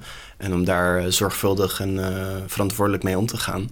In plaats van overal van die windmolens neer te zetten. Want dat is eigenlijk ook gewoon bijna gewoon terrorisme. Gewoon als je kijkt, ik ben naar Duitsland gereden. Dan zie je overal die windmolens staan. En als het te hard waait, dan moet dat ding uit. En, uh, ik bedoel, wie wil er zonnepanelen neerzetten in Nederland? We zien het zo bijna nooit. Nee. Dus uh, ik denk dat we de problemen gaan oplossen met meer technologie en meer innovatie. En ik had ook gelezen over uh, een concept dat die CO2 uit de lucht gehaald kan worden gehaald om graphene te creëren. En als wij ooit een, een, een civilisatie willen zijn die de, de sterren gaat verkennen, dan denk ik wel dat we die graphene nodig gaan hebben. Dus het zou, zou maar kunnen zijn dat we juist te weinig van het spul hebben, weet je wel. Dus ik denk, technologie lost het wel op en uh, we komen er wel. Grafeen is ook een vies woord geworden in uh, complotland, hè? Is dat zo? Ja, dat, dat, zou zogenaamd in de, in de spuitjes moeten zitten en zo. Ja. Uh, en dat, dat dan ons de, de, de, lichaam zou helemaal vol zitten met grafeen nou. En dat kan ik ga worden. zelf voor de microplastics. Ik ben aan het microplastic maxen. Ik drink uit een plastic fles omdat ik gewoon meer microplastics wil. Ja, ja. grapje. ja, nou ja, ik, ik heb heel veel van die grafeendiscussies gehad. Uh, en, uh, en, uh, want dat kan dan geactiveerd worden door 5G en zo. Mm. En dan worden we nog meer bionischer en dat oh, ja, soort zaken. ja, ja ik, ik heb het zelf niet gedaan, dus ik heb er dan niet zoveel last van. Ik zie wel naar al die andere mensen. Ja, ja, maar ja, ik, ik, daarvoor zat ik ook in de grafeen dat het gewoon een, een super, super interessant goedje is. Wat is het? één atoom dik superstructure die gewoon niet kapot te krijgen is. En daar kan je dan nanotubes van maken. En mm. daar kan je dan in principe zo'n sterk materiaal mee, mee, mee creëren dat je een, een, een spacelift kan maken ja, of dat ja, soort... Ja. Uh, maar het is voor, voorlopig nog te duur om, om te creëren. Maar ik denk als we voortgaan met uh, energie genereren op uh, nieuwe manieren... dat het uiteindelijk wel gewoon profitable wordt om te creëren. En dan ja, dan, uh... ja, want kernenergie. Uh, ik zit al een hele tijd te wachten. Wat, ik ben bekend met thorium uh, en zo. En niet echt, nee. Ja, je hebt dan, dat is een, een nieuwe, in India zijn ze die, en China zijn ze notabene die, die thoriumreactors aan het bouwen. We hebben in Nederland hebben we er eentje in petten staan. Ja. En dat gebruiken ze dan voornamelijk voor studies naar farmaceutische middelen. Mm. Natuurlijk. En... Um, maar ja, je kan daarmee dus... Uh, er is een gesmolten zoutreactor. Dan heb je dus een reactor in, uh, in een passieve situatie... waarbij dus niet uh, de reactor onder druk actief um, in controle gehouden moet worden. Wat natuurlijk een beetje gevaarlijk is... want zodra de stroom uitvalt of whatever... dan, dan lekt het meteen eruit. maar dan heb je hier een passieve reactor. En als dus... Um, uh, een, een, uh, uh, een meltdown gebeurt, dan worden die, die gesmolten zouten warmen dan zo erg op, waar dus die reactie in plaatsvindt, dat er gewoon fysiek een stop onderuit vliegt. die smelt dan. En dan zakt dus dat gesmolten zout zakt weg uh, naar een kamer daaronder. En dan houdt de reactie gewoon op. Dus ja, een, ja, een melt... dat op een veilige manier die energie uh, genereren. Ja, dan is een meltdown is gewoon voor eens en voor altijd afges uh, afgesloten. Ja. Plus thorium. Dat, je hebt dus om de reactie gaande te houden, heb je thorium nodig. Om het één keer te activeren heb je wel uranium nodig. Maar dat zou je kunnen halen uit bijvoorbeeld de wel honderdduizenden verschillende kernbommen die we overal hebben liggen. Um, Misschien een betere alternatief dan elkaar opblazen. Ja, die kernbommen ontmantelen om inderdaad die thor thoriumreactors aan de gang te krijgen. En dan vervolgens onderhoud je door nieuwe uh, thorium toe te voegen. En thorium is een substantie die is absoluut niet zeldzaam. Die kun je vinden op de stranden uh, bij, de, bij, de, bij, de, bij de Waddeneilanden en weet ik veel wat dan maar niet. En dus, dus, dus dat zou de ideale uh, uh, kernreactor zijn. Ja. Hè? En dat duurt dan ja, toch wel misschien vijf jaar om dat uh, te bouwen. En ja. dan nog vijf jaar om dat door te ontwikkelen. Maar dan heb je ook wat. Ja, maar ik denk ook een beetje het probleem nu is dat dat gewoon niet profitable zou zijn. Dat als het goed werkt, dan, dan los je het probleem eigenlijk op. Ik zie het een beetje als een situatie met een arts die wil de, de, de die wil de patiënt eigenlijk ziek houden, weet je wel. Je wil niet iets bouwen dat te efficiënt is, omdat je dan gewoon minder geld verdient. Dus uh, ik heb een mooie theorie gehoord, en ik weet niet wat ik daar zelf van denk, maar ik vind het wel interessant. Is dat uh, die hele groen en sustainable movement eigenlijk gewoon gepakt is door de oil en uh, door die hele industrie. Want zij zijn de backup als die sustainable energie uitvalt. Dan gaan we terug op de, op de olie en wat niet. Dus ja. Ja, ja, ja, want dat, dat, dat, dat, de, olie is zeg maar nou uh, de ruggengraat van de economie. En van de dollar. Ja, ja de petrodollar inderdaad. Ja. dat is ook een hele shitshow wat er nu aan de hand is daarmee. Maar zou dan als dus die hele petrodollar inzakt... Hè, dat eindelijk, zijn we dan verlost ervan, denk je? Van de dollar? Ja, ja, en dus inderdaad dat hele systeem wat allemaal draait om olie. Ik, ik heb geen idee. Dat, dat zo, er spelen zoveel dingen, het is zo gecompliceerd. Ik, wat ik nu volg is dat uh, de, de, de, de, Saudis en de Chinezen en de, wat niet allemaal, de Indiërs, die, die gaan nu eigenlijk, uh, die bypassen die dollar. En uh, dat wordt er eigenlijk gewoon uitgesneden. En dat is eigenlijk wat de meeste demand gaf voor de dollar. Nou, dus naast dat het gewoon de, de, de dominante currency is, is dat je het nodig had om olie te kopen. Hmm. En ja, als dat verandert, dan zullen we zien wat de implicaties daarvan worden. Ja, want we zijn met z'n allen, vooral in Amerika, als de dood dat uh, het, het, het, Westen de macht, de dominante positie verliest. Oh, dat gaan we sowieso, dat is 100% in mijn mening. Dat is gewoon al, dat is al gebeurd, eerlijk gezegd. Uh, ik weet niet. Ja, want die, die hele oorlog in Oekraïne is daar ook wel een soort van knooppunt van. Hè? Mm. Dat, uh, je ziet nou dat Rusland eindelijk die hele BRICS-gebeuren bewerkstelligen. Mm. Uh, Brazilië, Rusland, yes. India, China en Zuid-Amerika, Zuid-Afrika. Mm. Wat Zuid-Afrika daar te zoeken heeft, weet ik eigenlijk ook niet. Um, maar dat, dat, dat, dat is het nieuwe, hoe noemen ze dat dan, bipolaire wereld. Hè? Dan dus inderdaad de NATO-kant en dan de BRICS-kant. Um, of zeg ik bipolair? Zeg ik dat goed? Nou, maakt niet uit. In ieder geval twee fronten. Ja, ja. Uh, uh, en uh, ja, dat dat een strijd gaat worden. Um, kan ook een soort van 1984-achtige situatie worden. Als je daar niet voor uitkijkt, natuurlijk. Mm. Dan dat je een Ingsok versus de, de neo-Bolsjeviks krijgt en dat soort onzin. Met een zijn we er niet al eigenlijk? Ja, eigenlijk wel. Want, hè? we hebben altijd dat een, een, een current thing. Die meme vind ik heel leuk. Voor memes gesproken eerder. The current thing, weet je wel. Dat er altijd gewoon een nieuw ding is. En uh, de ene keer is het dat en dan is het dit. En er zit ook een bepaald ritme in. Waar je elke keer een nieuwe current thing krijgt. Om weer obsessed over te zijn. En bang voor te zijn dat de wereld eindigt. En uh, ik denk als mensen bang zijn, dat ze ook makkelijk zijn om te, te controleren. En dat is eigenlijk ook gewoon die Orwell van uh, een Eternal War waar je altijd in zit. En, ja. Ik, ik, had daar mijn eigen, mijn eigen meme van gemaakt. Ik weet niet of ik die kan, kan vinden. Uh... Zou ik van jou nog zo'n uh, moed mogen steken, ja? alsjeblieft? Of een hele dekker, dat mag ook. oh, ik vind zo'n kleintje heel leuk. Ja. Dankjewel. Um, even kijken. Ik heb die, uh, ik heb die in, mijn, uh, in mijn Discord volgens mij als een plaatje. Uh, heb ik die, heb ik die, maar heb ik die nog meer staan? Um, eens even kijken. Oh. oh ja, hier. Ja, ja, ja. Uh, even kijken of ik het... Uh... Oh ja, die mapjes, dat moet ik ook doen. Mijn Discord is zo'n chaos. ja, nou ja, ik heb dit uitbesteed aan mensen die uh, iets neurotischer zijn als ik. Ik ben ja. ook altijd van flikker te doen. Maar het loopt dan ook wel weer uit de hand. Hè. Voor je het weet heb je duizenden allemaal groepen en weet ik veel wat. Hier, kijk, zit, de, de, de voice channels zitten weer vol met mensen. Ja, het is altijd gezellig in de Discord hoor. Dat, uh, ik, ik, het is bijna, het is best wel verslavend eigenlijk. Ja. ja. ik zit voornamelijk op Twitter, maar ik heb daar een uh, pseudoniem account waar ik gewoon uh, kan zeggen wat ik denk zonder, zonder bang te zijn dat ik er problemen van krijg. even kijken, ik moet naar mijn kanaalinstellingen en dan serverinstellingen. Ja, hier, kijk, kijk, kan ik. ik. Ik wil dit plaatje wil ik zien. Kan ik dit plaatje zien? Kan ik die. Nou ja, uh, je kan hem wel een beetje zien, hè? Oh, ja, ja. The current thing is een poppenkast. Ja, Dan heb ik die, uh, die, die normie uh, face, zeg maar, in die, die poppenkastjes gedaan. Ja, die NPC-face inderdaad, in die poppenkastjes gedaan. Ja, ik vond het ook, ik vond het ook echt een mooie, mooie, mooie tijd inderdaad. Ja, die NPC-meme is ook heel bijzonder eigenlijk. Want eh, ehm, ik was nu een beetje op een soort avontuur door de oude religies en wat niet aan het gaan. En je had daar eh, de Gnostics, ik weet niet of je daarvan hebt gehoord. ja, gnostische. Ja, die vind ik heel interessant. En die hadden eigenlijk het concept van een eh, divine spark. Wat zeg maar een soort van, eh, ja, een soort van eh, essentie van bewustzijn zou moeten zijn. Of van, de, van de, makers van ons. En die hebben dus eigenlijk een idee dat niet iedereen die divine spark heeft.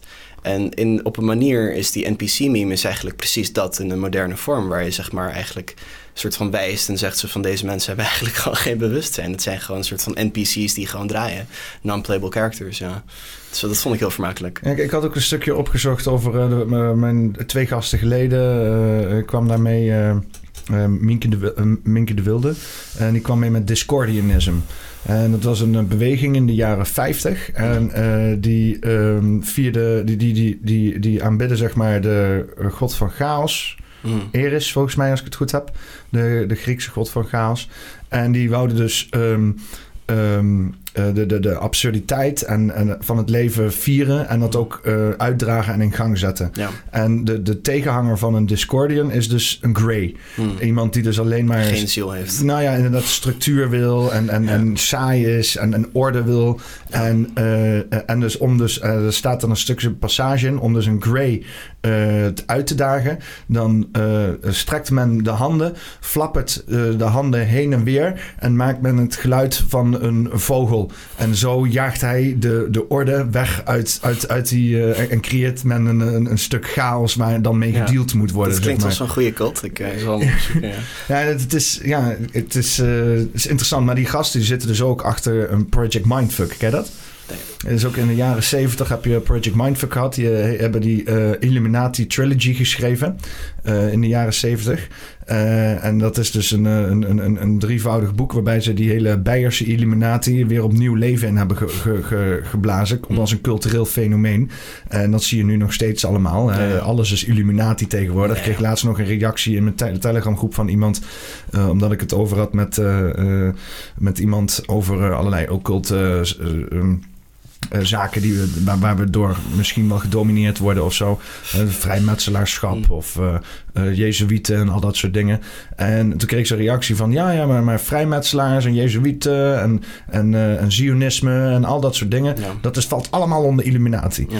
dan het is denk- een makkelijke manier om alles zeg maar, te, te, te bundelen, denk ik. Ja, maar het is, het is te makkelijk. Ja. Maar mensen, ja, we hebben dat op een zekere manier wel nodig om eh, een beetje orde te brengen in de, in de chaos van wat er eigenlijk aan de hand is. Maar ik denk eigenlijk dat er niemand is die echt in kracht is. Het is allemaal gewoon. Niemand weet eigenlijk wat de fuck er aan de hand is. En, Ja, eh, er is dat- niemand die echt in controle is. Dat is mijn punt wat ik wil maken. Is dan bijvoorbeeld zo'n Discordianism... Hè, eh, en dan met zo'n Project Mindfuck wat ze dan teweeg hebben gebracht... is het niet iets te effectief geweest? Ja, wellicht. Ja. Het, eh, ja, want ik, ik, ik hou van chaos. Hè. Ik, ik vind het heerlijk om te Over bewegen. eh, chaos en, en eh, memes en goden gesproken. Heb je gehoord hoe die groene kikker... eh, er was een heel mooi filmpje over hoe dat eigenlijk een soort van reïncarnatie is van die oude cha- chaosgod Kekus. Dat is een Oh. kikkergod uit Egypte. En dat was gewoon een, eh, een chaos god. En eh, die is eigenlijk geboren op 4chan, waar mensen met random nummers posten. En dan als je een, een, een nummer krijgt, bijvoorbeeld met een paar zevens, dan is dat gelijk een soort van. en dan krijg je die Pepe-munt gelijk. Ja, dat is wel jammer. Ja. Ja, want je had toch ook de Cult of Kek of zo? Of ja, ja, ja, zoiets, ja, eh? ja, ja. Doe eens eh, eh, Pepe Chaos God. En er was ook een hele mooie analyse van, oh ja, van Peterson ook. Eh, die, dat is die die ik bedoelde, deze. Deze? Ja, prachtig. Dan kunnen we even een klein stukje, klein stukje opzetten. Ja, dat is, eh, You open your internet browser with your computer. Beyond it is another dimension. A dimension of neckbeards. And a dimension of normies. A dimension of humor. You're moving into a land of bullshit and truth. Of intelligence and retardation. You've just crossed over into the meme zone.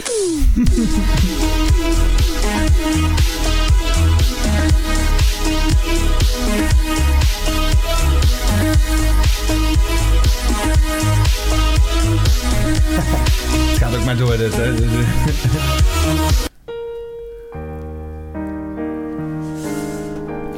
Ja, maar dat, dat vind ik ook mooi, dat dat alles een meme kan zijn. Maar bijvoorbeeld zo'n eh, zo'n eh, Rick eh, Ashley, weet je wel? En Ja. Gonna Make Me. Dat is ook gewoon een meme. ja. Hè? We hebben vaak ook, eh, wat ik eerder ook aan heb gehaald, eh, dingen die hij dan doet, gedragingen, dat wordt dan ook een meme, Ja. weet je wel? Dat, dat, dat, dat is, en dat is- zijn dan alleen maar dingen die gezegd worden, weet je? Dus Mm. Ehm, bijvoorbeeld waar ik het eerder over had, die, die gozer die mij heeft gelabeld als een of andere satanische elite. En eh, heeft gezegd van eh, eh, eh, jij bent eh, niet meer eh, eh, eh, eh, eh, te vertrouwen.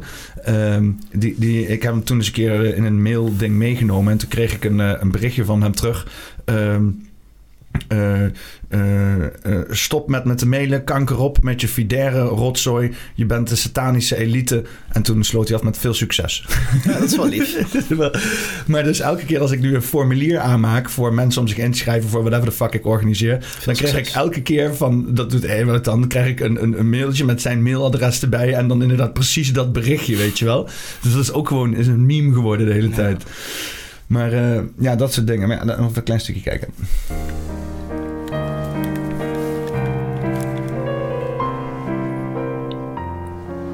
Voor de mensen die luisteren, dit is een heel mooi eh, collage gemaakt van pepe plaatjes die uiteindelijk één grote pepe worden. Pepe the Frog has become a symbol synonymous with the internet and meme culture. Whether it be through conveying emotions, telling jokes, expressing political beliefs, or even taking on more humanoid appearances, Pepe has been seen and used the world over, and not just on the internet either. More conventional forms of media and high profile public figures have taken stances with or against Pepe, depending on their interpretation of what Pepe represents. But beneath its unassuming, cartoony exterior, there's a much deeper mythological meaning within this frog, a meaning which may have been prophesied by ancient cultures and texts throughout history. Join me as I explore the eerie similarities between Pepe the Frog and a number of historically significant writings and depictions, all of which seem to be pieces of a larger puzzle which is slowly revealing itself to us. Before I go any further, I should mention that most of the information I will be presenting was not found by me, I'm merely compiling it. However, I will also be presenting some new information and research, as well as my own unique perspective. Furthermore, I'm not necessarily a believer in all of what I'm going to be presenting, nor am I saying that it's all true. That will be up to you to decide. Let's first begin with some quick backstory on Pepe the Frog and a phrase often associated with him known as Keck. Originally, Pepe was a character in the 2005 comic called Boys Club, which was created by a man who looks like a bit of a meme himself. Matt Fury. The comic was mainly focused on bodily humor and crude jokes, one of which pictured Pepe pulling down his pants to pee in the toilet. When confronted later about it by his friend, Pepe simply replied, Feels Good Man, and thus a timeless meme was born. This reference became popularized on 4chan and other image boards in the late 2000s and remains relevant to this day, albeit taking on many more forms than the original. Now, Kek, at least as we know it today, is a term that comes from the popular PC game World of Warcraft. When players on the Horde faction of the game typed LOL, it would appear as Kek, spoken in Orcish to the Alliance players. Naturally, there was a lot of crossover between World of Warcraft players and forum posters since they were both avid internet users. Keck was later adopted as another popular meme in the mid to late 2000s, but it's only recently resurfaced and regained a lot of popularity. Things really started getting interesting when the convergence of both Pepe and Keck on image boards created what is known as the cult of Keck. While Pepe the Frog and Keck seem to be nothing more than harmless references to modern day entertainment, the cult of Kek is actually based on a mythological figure from ancient Egypt, the god known as Keck, also called Kuk. Interestingly, the term cuck in the English language has also seen a huge resurgence in popularity. It's become ubiquitous with both internet and real life insults. This Egyptian deity, Kek, is represented by a frog or a man with a frog for a head. And interestingly, it bears a lot of similarity in artistic style to the modern Pepe of today. A hugely popular item referenced along with Kek and Pepe is this peculiar relic. Reproductions of it can be purchased through Amazon and other websites, and it's become a bit of a novelty item. Ik moet het hebben. ik ben geen consument, maar ik wil een Egyptian Frog Goddess Hackett Egyptian Museum Cairo voor 28 dollar. Kijk, misschien kan je met Pepe-munten betalen. Ja, ja. ja, dat zou mooi zijn inderdaad. Item. It's a statue of a frog with strange hieroglyphics written on the pedestal. These hieroglyphics are said to represent Kek, yet others actually say it represents a goddess named Heket, the frog goddess of childbirth. Followers of Kek interpret these markings as a man staring at a computer monitor with the double helix symbol representing. Die was wel nep. Die bleek wel nep te zijn, jammer Oh, dat bleek wel nep te zijn? Oh, ja, Oh, dat ja, meen ja. je Dat was wel een beetje te mooi om waar te zijn. Ja, maar- inderdaad, ja. Ja. Oké. DNA and meme magic. And it really does look like an ancient depiction of exactly that. Initially, this sculpture and the inscriptions on it seem absolutely mind blowing, and Ja, dus, dus- maar wat dan? Heeft iemand dat dan gewoon erop eh, gemaakt of zo? Ja, ja, Of, ja, eh, iemand heeft dat gewoon gemaakt. eh, dat maar niet. volgens mij vertelt hij dat ook. Oké. It's often cited as a piece of evidence further validating the Keck prophecies. However, upon further investigation, I was unable to discern whether this statue is actually a genuine historic artifact. Hmm. The closest legitimate artifact I was able to find was indeed a frog statue representing Keck, which is pretty interesting in itself, but those inscriptions were not carved into it, at least not from what I saw. With a bit of research on Egyptian hieroglyphs, I was able to find most of the symbols shown on the Heket relic, such as the double helix, the man sitting down, and even a part of the alleged monitor, but I was not able to find all of them in one place and in the order shown on that relic. Dan vraag ik me wel af wat dat dan zou betekenen. Als je zo'n man achter de computer zet eh, in, in Egyptian dingen, wat dat dan, wat dat dan zou betekenen. Dan kan je dat ook weer, zeg maar, omzetten naar iets en dat dan helemaal gaan lopen aanbidden en shit. Maar dat het initieel ook een chaosgod was, dat vind ik ook bijzonder. Dat hij eigenlijk herboren wordt op een abstracte manier door die kikker-meme, die eigenlijk ook gewoon chaos is. Ja. Die kikker die is een soort van, eh, ja, een soort van, eh, het triggert mensen altijd en dat is een beetje wat het leuk maakt. Mm, mm. Ik, ik vraag me toch af wa- wa- wa- waardoor mensen zo getriggerd kunnen worden en dat soort zaken. Volgens mij. eh, dan, dat, dat, het, het is ook een soort van onthulling van mensen die in volledige mind control leven, zeg maar. Ja, je laat eigenlijk een spiegel zien of je, je laat zien dat ze zo'n zo'n cognitive dissonance hebben van twee ideeën die elkaar gewoon tegengaan. En als je dat laat zien op een grappige manier, dan kan dat mensen heel boos maken. Heb je wel eens veel voorbeelden gezien van mensen die zich daar druk om maakten en dan later daarop terugkomen en dan zoiets hebben van: oh, wat, wat, wat heb ik eigenlijk gedaan de afgelopen tijd? Ja, ja, ik denk het wel. Het is een beetje moeilijk om antwoord op te geven, maar ja, ik denk wel dat dat is wat we allemaal moeten doen om gewoon open te blijven voor nieuwe ideeën en dan eh, toch onze gedachten te kunnen veranderen. Als je dat niet meer doet, dan ben je in een manier dood. Dat is een eh, mooie quote van Nietzsche ook, is eh, de the snake that cannot shed its own skin must die. Weet je wel, dat als je niet meer jezelf kan veranderen, dat je eigenlijk gewoon al klaar bent. Ehm, wat we nooit zijn. Je moet altijd nieuwe ideeën krijgen en verder ontwikkelen. En het draait om dynamiek, eh, het leven. Hè? Dat, eh, Ja. ja. Mhm. Oké, ik wil het eh eens even een beetje terug gaan brengen naar, eh, naar crypto.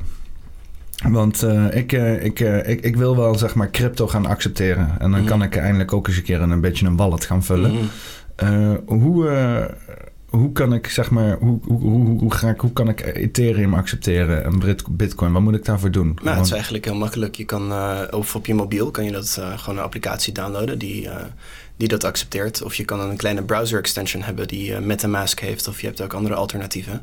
En met MetaMask kan je eigenlijk praten met dat Ethereum-ecosysteem. Het is net als een normale browser, kan je met het internet praten. En met zo'n extension kan je eigenlijk met dat netwerk praten. En eh, ja, dan krijg je een, eh, een code, een eh, adres. En dan, ja, dan heb je dat eigenlijk als, net als een postvak waar mensen gewoon geld in kunnen sturen. Maar hoe integreer ik dat dan op mijn site? Gewoon door dat adres erop te zetten? Ja, precies. Dan kun je een QR-code daarop flikkeren of, of, of die code. Dan kunnen mensen dat of copy-pasten of ze kunnen die QR-code scannen en dan kunnen ze daar geld in sturen. En ik kan gewoon in mijn betaalstraat dat als optie ja, zo donaties of, van eh, hey, ik accepteer deze verschillende munten. Ja, dat Ja. is eigenlijk heel makkelijk. En dan als je het wil eh, overmaken, dan heb je een eh, zogenaamde fiat gateway. Dat is waar je van, eh, van echt geld naar papiergeld kan gaan. Sorry, grapje. Maar dan kan je daar ruilen naar euro's bijvoorbeeld. En dan kan je daar een rekening mee betalen of iets. En dan kun je dat gewoon overmaken. Dus, dus oké, dus ik, ik kan dan een, een browser-extensie downloaden. Ja, als je het echt wil gebruiken en dingen wil doen, dan is die browser-extensie handig. Eh, dan kan je dat netwerk gebruiken. En eh, dat zou ik gewoon aanraden om gewoon te kijken wat er aan de hand is. Weet je hoe al die dingen werken, wat is er. Er zijn ontzettend veel scams. Eh, in de cryptowereld probeert iedereen je geld te stelen. Dus iedereen probeert je altijd wijs te maken om je zogenaamde seed phrase te delen. En dat is een, eh, een, vaak eh, 24 of 12 woorden. En dat is eigenlijk de sleutel tot je kluis. En iedereen probeert hele interessante manieren te verzinnen om, om mensen te foppen eigenlijk om hun kluis open te doen voor hun. Heb je een voorbeeld daarvan? Ja, bijvoorbeeld er, er komt een eh, pop-up of een upgrade of iets die je aanklikt in je e-mail en dan is dat eigenlijk nep. En dan zegt hij van, hey, voer je seed phrase in. En als je die invoert, dan is je geld gewoon weg. En dat gebeurt bij heel veel mensen ook die gewoon echt ervaring hebben hiermee. Dus eh, iedereen denkt altijd van, oh, ik ben slim, het komt mij niet over. Maar mensen zijn echt heel handig met, eh, met je geld stelen. Ja, want ik, ik, ik, eh, mijn geld wordt al op normale ma- manieren gestolen. Ah ja, door de overheid of... Nou, nee, ja, maar ook gewoon door. Want ik bedoel, in de, in de, in de, in de euro-realiteit hebben we ook genoeg scams gaande. ja. Ik ben bijvoorbeeld recentelijk overgepraat in een ander energieabonnement. Waarbij ik dus eerst gebeld word met een of ander lulverhaal over dat door de oorlog in Oekraïne. Mm. eh, het huidige maatschappij waar ik bij zit, waar ze alle informatie van me hebben. Mm. eh, ehm, eh, wordt overgenomen door hun maatschappij. Ja, ja. Hè? En ik had een hartstikke mooi abonnement voor vijf jaar, stond mijn energieprijs vast. Mhm. En nu zit ik bij een of andere kutmaatschappij. Waarbij ik. nee, dan betaal ik drie keer zoveel betaal ik gewoon. heerlijk. Dus, en, en het grappige is, ik heb dus inderdaad die audiofiles opgevraagd, hoe ze dat hebben bewerkstelligd. Maar wat ze dus deden, is mij opbellen. Mhm. En dan zeiden ze van, oké, we gaan nu ophangen en dan gaan we het- de acquisitie eh, verder doen eh, in een ander telefoongesprek. En als ik dus inderdaad die bestanden opvraag, krijg ik alleen die bestanden vanaf dat tweede telefoongesprek. Ja, ja, dat ja, eerste telefoongesprek, ik weet niet of ze dat dan nog hebben, maar die kreeg ik niet toegestuurd. Dus ik kan dus, al. ik, kan dus, ja, ik kan dus niet bewijzen dat hun mij gewoon op, onder valse voor, voortwenselen in mij in dat co- contract hebben gerommeld. En het rare is, dus eh, dat zijn dan van die externe marketingmaatschappijen die dat allemaal doen. Eh, maar die gaan dus in, in zee met gewoon gerenommeerde bedrijven. Ja. Weet je wel? En die gerenommeerde bedrijven die nemen dus nul verantwoordelijkheid. Weet er niks van. Nee, die zeggen van nee, ja. Dus ik bedoel, die fucking scams, je wordt sowieso uit je fucking geld gescamd Ik de heb, hele dag. eh, ik heb medelijden met oudere mensen die, die dit moeten navigeren. Want er zijn zoveel dingen die gewoon... Van de e-mails die je krijgt. Zo van, oh, je hebt hier een pakketje liggen en klik hier maar en pak dit. En ik kreeg ook sms'jes van... of ik ben een paar keer opgebeld. Zo van, hey, je, je ID eh, eh, is, eh, weet ik veel, geblokkeerd of zoiets. Wegens weet ik veel wat voor gekkigheid. Nou, daar schrik je echt van. Of ik kreeg een e-mail met... we weten je wachtwoorden omdat die ergens gelekt zijn op een bepaalde website. Dat is een hele handige website om te checken trouwens. Have I been pwned? Ken je dat? Nee, wat? Eh, dat is een website die... Nou, vaak worden, komen er van die datalekken. En dan zijn al je wachtwoorden gelekt. En dat is ook de reden om niet dezelfde username en password te gebruiken. Zeg nog eens. Have I been pwned? Have I Kijk, je krijgt hem gelijk. oh, been pwned? Oh. Ja, en als je daar je e-mail invoert, dan zegt hij eigenlijk of je ergens gelekt bent, wat bijna 100% het geval is. En dan ehm, ja, je kan je een, een e-mailadres invoeren. En dan zegt hij welke, waar je data gelekt is. En eh, ja, dat is, dat is best wel eng. En ik kreeg een keer een e-mail zo van, hey, we weten je wachtwoord. Oh, krijg hier dan. Kijk. Oh, fuck. Nou, goed gedaan. Ja, nou ja, ik doe nu eens heel even mijn eh, e-mailadres invullen persoonlijk. Maar die krijgen jullie allemaal niet te zien. Eh,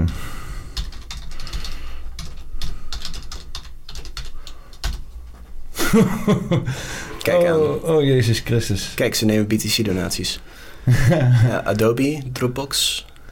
Ja, dus als je dan overal hetzelfde wachtwoord gebruikt, dan eh, ben je eigenlijk, eh, hebben ze die passwords. Dus eh, wat, wat mij is overkomen is dat iemand zei van... hé, hey, we hebben een wachtwoord van jou gekregen dat gelekt is... en we weten alles en dan proberen ze je eigenlijk te blackmailen. En ja, ik, ik weet dat dat gewoon fake is. Het, het is niet fake, het wachtwoord is echt gelekt, maar ja, het is niet gevaarlijk. En eh, ja, dan gaan ze vragen om, eh, om crypto bijvoorbeeld of andere dingen... Om, om niet je data te lekken bijvoorbeeld. Ja, want ik, ik krijg ook eh, regelmatig mailtjes doorgestuurd van mijn- degene waar, die, waar ik ook mee, die, die sponsort, Doc Collins. hier, een kopje, een kopje Doc Collins. Mooie fles. Mooie fles. Mooie, is, lekker spul. De donatielink staat, of de, de, de, de webshop link staat in de beschrijving.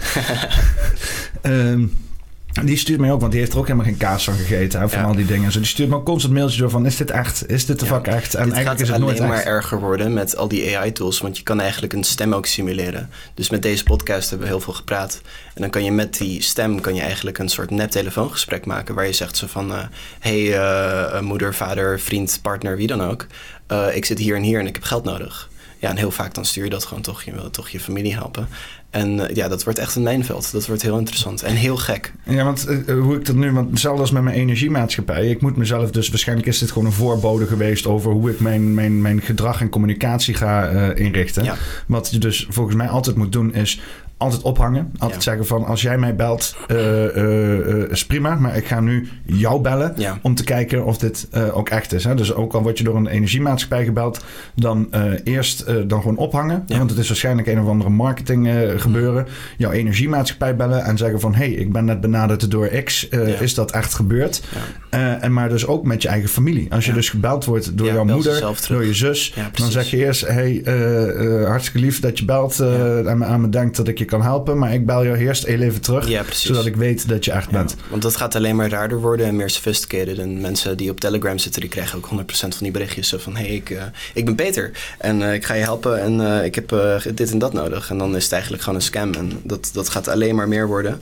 En ja, ik zou zeggen, als mensen wat ouder zijn, vraag dan aan, aan de jeugd. Zo van, hé, hey, klopt dit? Is dit echt? En uh, een, een goede denkwijze is zeg maar... if it looks like a duck and quacks like a duck, it's a duck. Als het eruit ziet te goed om waar te zijn, dan is het gewoon een scam. Ja. Want uh, bijna nooit gaan mensen je echt bellen om je te helpen. Ze willen altijd eigenlijk gewoon je shit stelen. Ja, inderdaad. Ja. ja, ik, ik trap er toch af en toe wel eens in op een of andere manier. Uh, maar ik moet echt daarmee ophouden. En... En uh, ik denk, ik, ik, ga, ik heb voor mezelf nu gewoon afgesproken van uh, op het, ik ga geen wijzigingen meer aan mm. of helemaal geen geld meer sturen als ik benaderd ben. Ja, dan ga ik alleen nog maar terug benaderen. Ja. Ik denk dat dat een, uh, een, Mm. een fijne, hoe noemen we dat nou, veel safe is. Ja, ja, ja. Ja, proberen te bevestigen dat het echt de persoon is waar je denkt dat je mee praat. Wat Ja. alleen maar moeilijker gaat worden met die nieuwe technologie die eigenlijk... eh, En je hebt, je hebt ook zo'n site die dan, eh, want het is een combinatie van eh databroking natuurlijk, Mhm. waarbij ze heel veel ehm, weten van je, wat dan de- zeg maar die persoon aan de andere kant in jouw hoofd valideert. Van oh, ze weten heel veel over me, dus ja, dat zal wel wel bedrijf echt zijn. ja. Ehm, eh, je kan ook, je hebt ook zo'n site, ik weet even niet hoe die heet, maar die, die gaat dan voor jou uitzoeken wie er dan allemaal jouw data heeft. en die gaat dan ehm, ehm, eh, eh, juridische eh, aanvragen doen Ja, om ja. die data te verwijderen. Ja. En dan heb je zo'n zo'n dashboard en dan kan je zien bij hoeveel mensen Het het zou allemaal... eigenlijk ook ideaal zijn voor zo'n AI om te doen. Om gewoon zo'n AI-tool hebben die dat automatisch filtert en automatisch aanvraagt. Ja, Want je hebt in de EU hebben we wel die data protection laws. En als je zegt zo van hé, hey, ik wil dat je mijn data verwijdert, dan moeten ze dat vaak ook doen. Of aan jou geven. Bijvoorbeeld zo'n eh, zo'n dating app, bijvoorbeeld zo'n Tinder of zoiets, die heeft ontzettend veel data op jou. En je mag dat aanvragen om verwijderd te worden na zoveel tijd. ja. Oh man, realiteit. Ja, Maar ik denk ook, dat is een beetje de optimistische visie van die crypto, decentralisatie en al die dingen, is dat wij in controle zijn van onze data. Dat het ons eigendom is eigenlijk en dat wij kiezen hoe dat gebruikt wordt. In plaats van dat die dynamiek omgedraaid is waar een, een Facebook of een Discord of een, een, een wie dan ook, een, eh, dat soort entiteiten al die data hebben. Die dynamiek die zou kunnen omdraaien. Ja. ja. Oude mensen inderdaad, ja. Ja, daar heb ik echt eh, ja, ja, medelijden mee. Want het is heel moeilijk om mee te gaan en om eh, niet gefopt te worden door al deze grappen die uitgehaald worden om mensen te, te beroven eigenlijk. Ja, ik doe vaak altijd wel eens een beetje neerbuigend naar, eh, naar, naar de oudere generatie. Omdat ik eh, van mezelf vrij ongeduldig persoon ben. Ja. En, eh, en altijd trouwens verteld ben geweest als jong persoon door oudere mensen dat ik hè, niet ga redden. En, maar gewoon moet conformeren en dat soort shit. Ja. Dus ik ben die, die wrok die ik nog steeds schijnbaar een beetje koester aan het teruggeven aan die generatie. Omdat hun nu aan het falen zijn in de, in de realiteit. Haha. Goed. Nee, maakt niet uit. Maar eigenlijk moet ik daar gewoon wat meer begrip voor hebben eigenlijk. eh. Ja. Het is natuurlijk ook wel eh, waanzin waar we ons in verkeren. Ja, ook. eh, ik was in de, in de trein nu en eh, ik zag een oude vrouw die begreep niet echt hoe dat in- en uitchecken werkt. En denk ook zo van ja, het wordt allemaal zo abstract en zo raar dat het gewoon moeilijk is om bij te houden. Ja. Zo van alles is een touchscreen met allemaal dingen in plaats van gewoon dat je met een persoon praat. Ik, ik had een probleem met mijn bank en ik, kon, ik was in Dubai en ik kon niet afrekenen om een of andere reden. En ik moest door heel een systeem heen van vragen stellen met een, met een soort chatbot. Zo van druk 4 om door te gaan, weet je wel. En dan heb je eigenlijk, ik wil gewoon met een persoon praten. Gewoon een mens die mij begrijpt. En eh, ja, dan zit je in de, de, de eeuwige limbo van met eh, van die bots praten in plaats van een persoon. Dat is ook... eh, Ja, en ik, ik heb dat zelf ook gehad. eh, eh, ik, heb dat met, met, met de overheid ook, of weet ik van instanties, dat ik ook eindeloos gek word van, van, van websites, overheidswebsites of bankierwebsites, waar je met door wordt gelinkt en ja, ja, allerlei ja, van persoon programma's. persoon. Iedereen stuurt je eigenlijk door naar de volgende. Ja, chatbots en weet ik veel wat en zo. En maar chatbots die niet werken, niet zoals een, eh, een GBT die eigenlijk begrijpt wat je zegt, maar gewoon zo'n stomme chatbot van je legt je probleem uit en hij vraagt gewoon een hele stomme vraag terug. En die verwijs je door naar een of ander stuk op de ja, website dat is waar gewoon je al twintig keer gekeken hebt. Ja. Dankjewel. Ik wil gewoon met een persoon praten. Ja. Ja, ja, ja ik, ik, ik loop er ook e- enorm tegenaan, tegen al dat, eh, al dat. Maar dan eh, wordt stra- straks gewoon niet een stukje persoonlijke service gewoon niet een hot commodity. Ja, precies. Ik denk het wel. En ik denk ook, zeg maar, dat eh, net als we nu een soort van handmade dingen hebben, misschien ligt hier iets dat zeg maar handgemaakt is, maar dat is iets dat zeg maar gekoesterd wordt. Zo van, wauw, dit is, dit is met de hand gemaakt. En, eh, maar op dezelfde manier krijgen we dingen die gewoon human designed zijn. Zo van, hé, hey, dit is een human designed object. Zo van, dit heeft een kunstenaar eigenlijk echt gemaakt. En dit is niet gegenereerd door een AI. Hmm. Dat wordt iets bijzonders. Ja. Ja. Ja. Ja, dus, dus we gaan eigenlijk weer dat echte stukje menselijkheid weer opnieuw waarderen. Net Ja, zoals misschien sinds de fucking industriële revolutie, iets Mm. waar we al 200 jaar in verkeren, waarbij alles alleen nog maar uitbesteed wordt aan machines. Ja. Eh, dan wel niet heel erg eh, eh, banaal in het begin, wat nu dan allemaal heel erg verfijnd was, is. Maar ook alles wat tegenwoordig in China wordt gemaakt ehm, eh, in massaproductie. Ja, want die objecten die hebben geen ziel.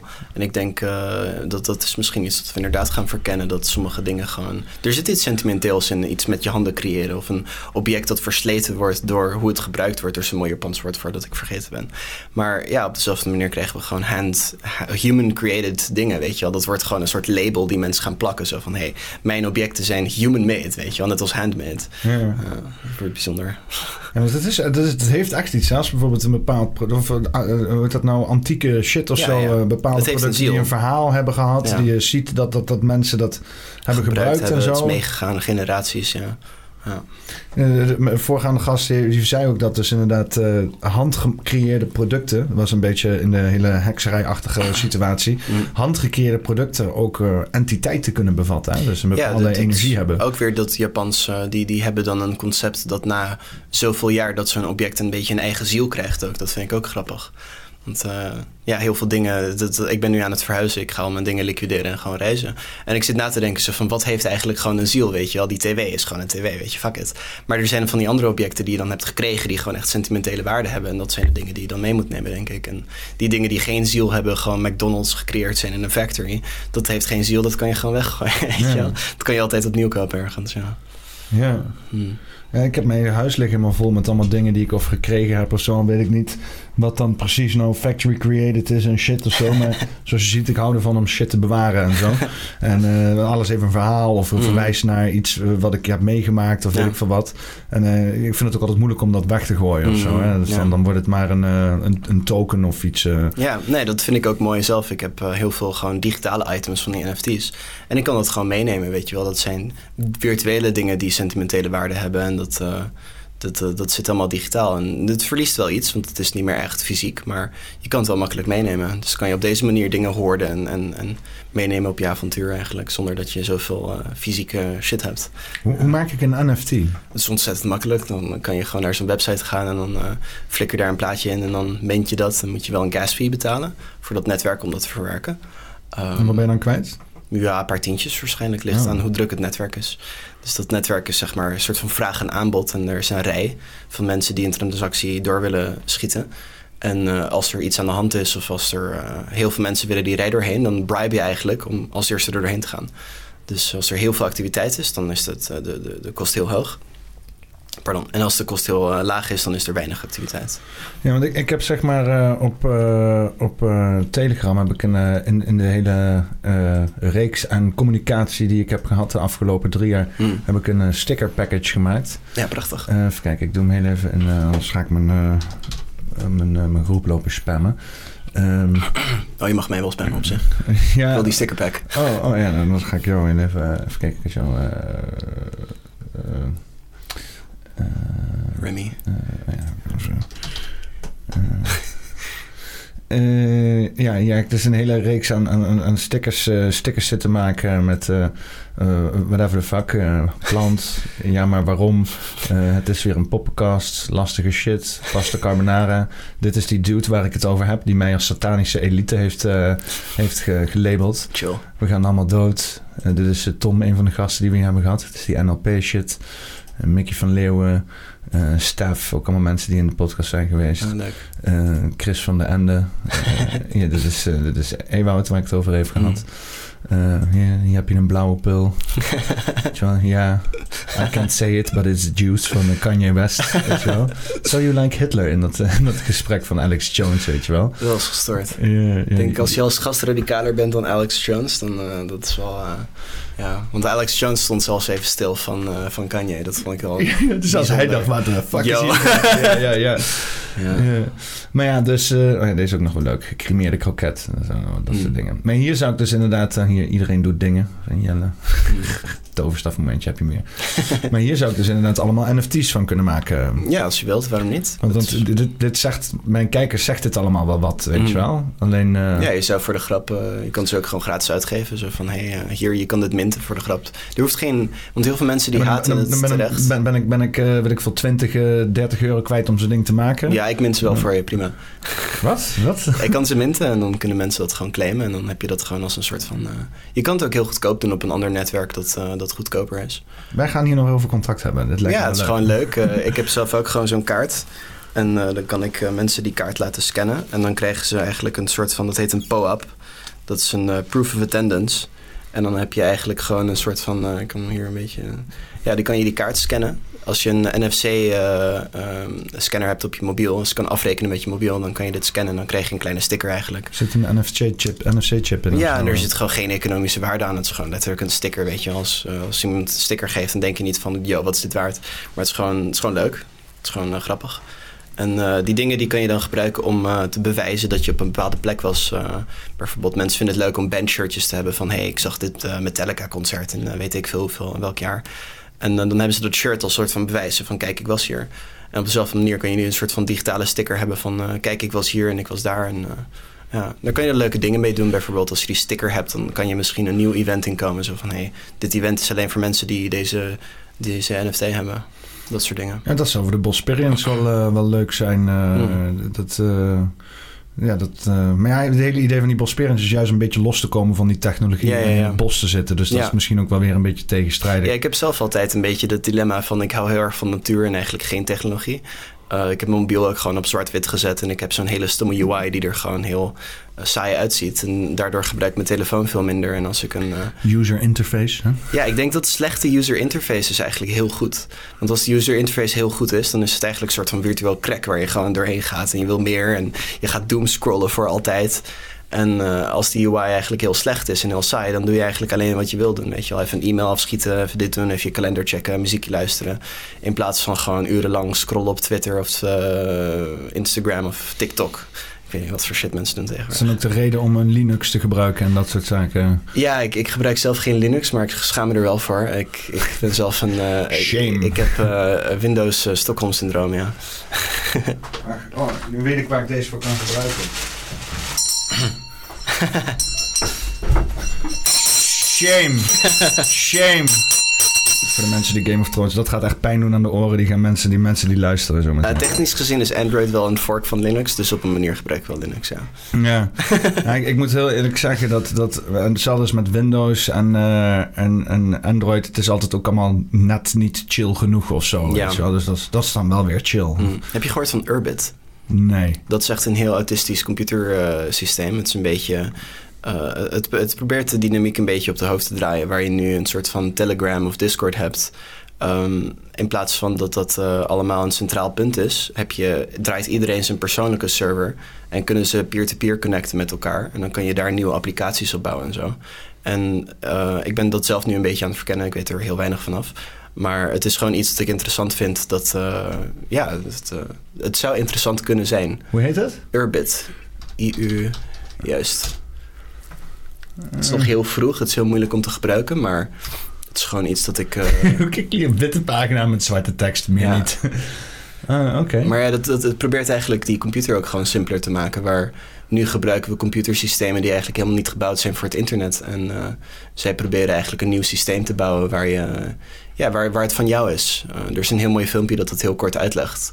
Waar ze ook zeggen ze van, eh, je komt er eigenlijk achter dat die, die tijd die je besteedt in die virtuele ruimte is niet jouw eigendom. Je wordt overal, overal afgeluisterd, je wordt, eh, je data wordt geharvest, je, niks is eigenlijk van jou, weet je wel. Al die dingen die je zegt, eh, misschien intieme gesprekken of zoiets, dat wordt gewoon afgeluisterd en gedatafarmd. En dat is eigenlijk niet zo fijn. Want ik vind dat we recht hebben om in de digitale space gewoon een, een persoonlijk iets te doen, weet je wel. Ik wil niet dat alles eh, gedeeld wordt en alles gedatafarmd en geharvest wordt. Ik wil geen eh, soort datakoe zijn die gemelkt wordt om eh, profits te draaien voor de databrokers of eh, wat niet. Dat, Ja. Of voor alle scam artists. ja, precies. En, en, Urbit zou dat mogelijk om kunnen draaien. Maar ja, het is nog een beetje heel vroeg en heel moeilijk te gebruiken. En heel weinig mensen die die taal kennen. Maar uh, ja, ik ga binnenkort wat uh, meetups organiseren in, uh, in Nederland ook over Urbit. Om dat gewoon een beetje te, te verkennen. Dus ja. Nou, interessant. Heb je al datums of zo? Of? Ja, die datums die zijn we nu aan het prikken. Dus dat ah. kan ik ook gewoon mensen uitnodigen die dat leuk vinden. Als dat, ja, hmm. me laten weten. Ja. Delen. Ja, ja. Sharing is caring. Maar dat gebruikt eigenlijk ook NFT's als, als adressen. Daar is het heel handig voor. Het is een, een soort digitale adres die van jou is, die niet afgepakt kan worden. En dat gebruiken ze dan op ETH. En dan hebben ze een eigen netwerk eigenlijk daar bovenop gecreëerd. Dat is wel interessant. Ja, want dat is wel een beetje met die NFT dat ik dacht van... oh, dit is wel interessant in de hele virtuele wereld. Hè? Dat je dus echt daadwerkelijk eigendom kan claimen. En dat je niet... Uh, ja, dat niet meer alles eindeloos gedeeld kan worden. Ja, en je kan dat doen voor hele stomme dingen zoals plaatjes van apen. Of je kan dat doen voor dingen die eigenlijk waarde hebben, weet je wel. Dus uh, zo'n social media account vind ik een heel makkelijk voorbeeld. Want iedereen hecht wel waarde aan zijn social media account. Daar steek je tijd in, je maakt connecties. En het is van jou, weet je wel. Maar eigenlijk is het niet van jou, want je leeft in het koninkrijk van Facebook. En we zitten nu eigenlijk in een soort van digital feudalism, waar we leven in koninkrijken. En mogelijk zou dit dat kunnen flippen, waar je dan eigenlijk zelf echt eigendom hebt in de virtuele wereld. Ja. ja, we zijn echt uh, vanaf uh, de jaren negentig naar een soort van wilde westen. Mm. Naar een soort van uh, inderdaad renaissance. nou, nee, een, een, een soort van. Um, uh, middeleeuwen gegaan. Mm. Uh, waar, waar allemaal koninklijke, koninkrijken zijn ontstaan. Mm. En weer opnieuw naar een soort van renaissance aan het gaan. En dat alles in 30 jaar of zo. Hè? Ja. Dat, nee, het is wel interessant, want de, de, de hele revolutie uh, begon eigenlijk met, met, met de bankers, met de double entry bookkeeping. Dat je dan eigenlijk geld kon sparen ergens. En dan had je het C-boeken, weet je wel. Double entry. En dan kon je zo zeg maar gewoon waarde behouden. En nu doen we dat eigenlijk op een nieuwe manier, waar je niet meer double entry bookkeeping hebt, maar eigenlijk overal. Dat het gewoon gedistributeerd wordt op een gigantische ledger. En je hoeft mensen niet meer te vertrouwen, want je kan gewoon die ledger vertrouwen. Dus het, dat, er zijn mensen die denken dat het ook een soort revolutie kan creëren. Er zijn goede podcasts over ook, ja. ja want sommige mensen die zeggen dan, die vertrouwen Bitcoin dan ook niet meer. Mhm. En crypto's, die zeggen dit is allemaal een psy-op om uh, van de cash af te gaan. Ja. Wat heb je te zeggen tegen die mensen? Um, ik vind die scepticism wel goed. Ik heb ook gewoon een beetje goud, omdat ik uh, toch denk zo van, kijk, uh, in het verleden hebben we van die solar flares gehad. En dat dan, dan, die zon zo doet en dan gaat al die... Coronal mass ejection. Uh... Ja, dan gaat al die tech gewoon kapot. En als al je eigendom zit in virtuele munten en je krijgt zo'n solar flare, dan, dan heb je wel degelijk een probleem, want dat is allemaal weg. Um, maar tegen die mensen zou ik zeggen, je geld is al digitaal en je geld zit meest waarschijnlijk in een ING-rekening. Het enige probleem is dat er gewoon heel weinig partijen zijn die dat bevestigen en toestemming geven om je geld te gebruiken. Dus we leven al in de digitale era, tenzij je alleen cash gebruikt, wat de meeste mensen niet doen. Ja, dus als jij uh, uh, niet uh, fysieke waarde hebt in de echte wereld, dan zou het geen reet uit moeten maken. Ja, want dat hebben we eigenlijk al. We zitten eigenlijk allemaal virtueel. We praten nu ook virtueel. En en je geld is al virtueel. En als je je huur betaalt, dan doe je dat ook virtueel.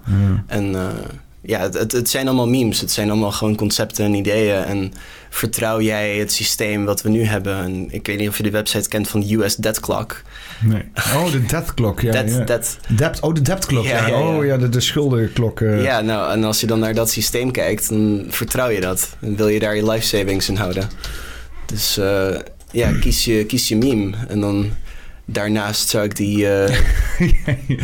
Uh, National depth en de... Oh, ik moet even een stukje uitzoomen. Depth, ja. depth is zo groot dat het niet eens past op, ja, het, op 100%. Uh, het is letterlijk onmogelijk om terug te betalen.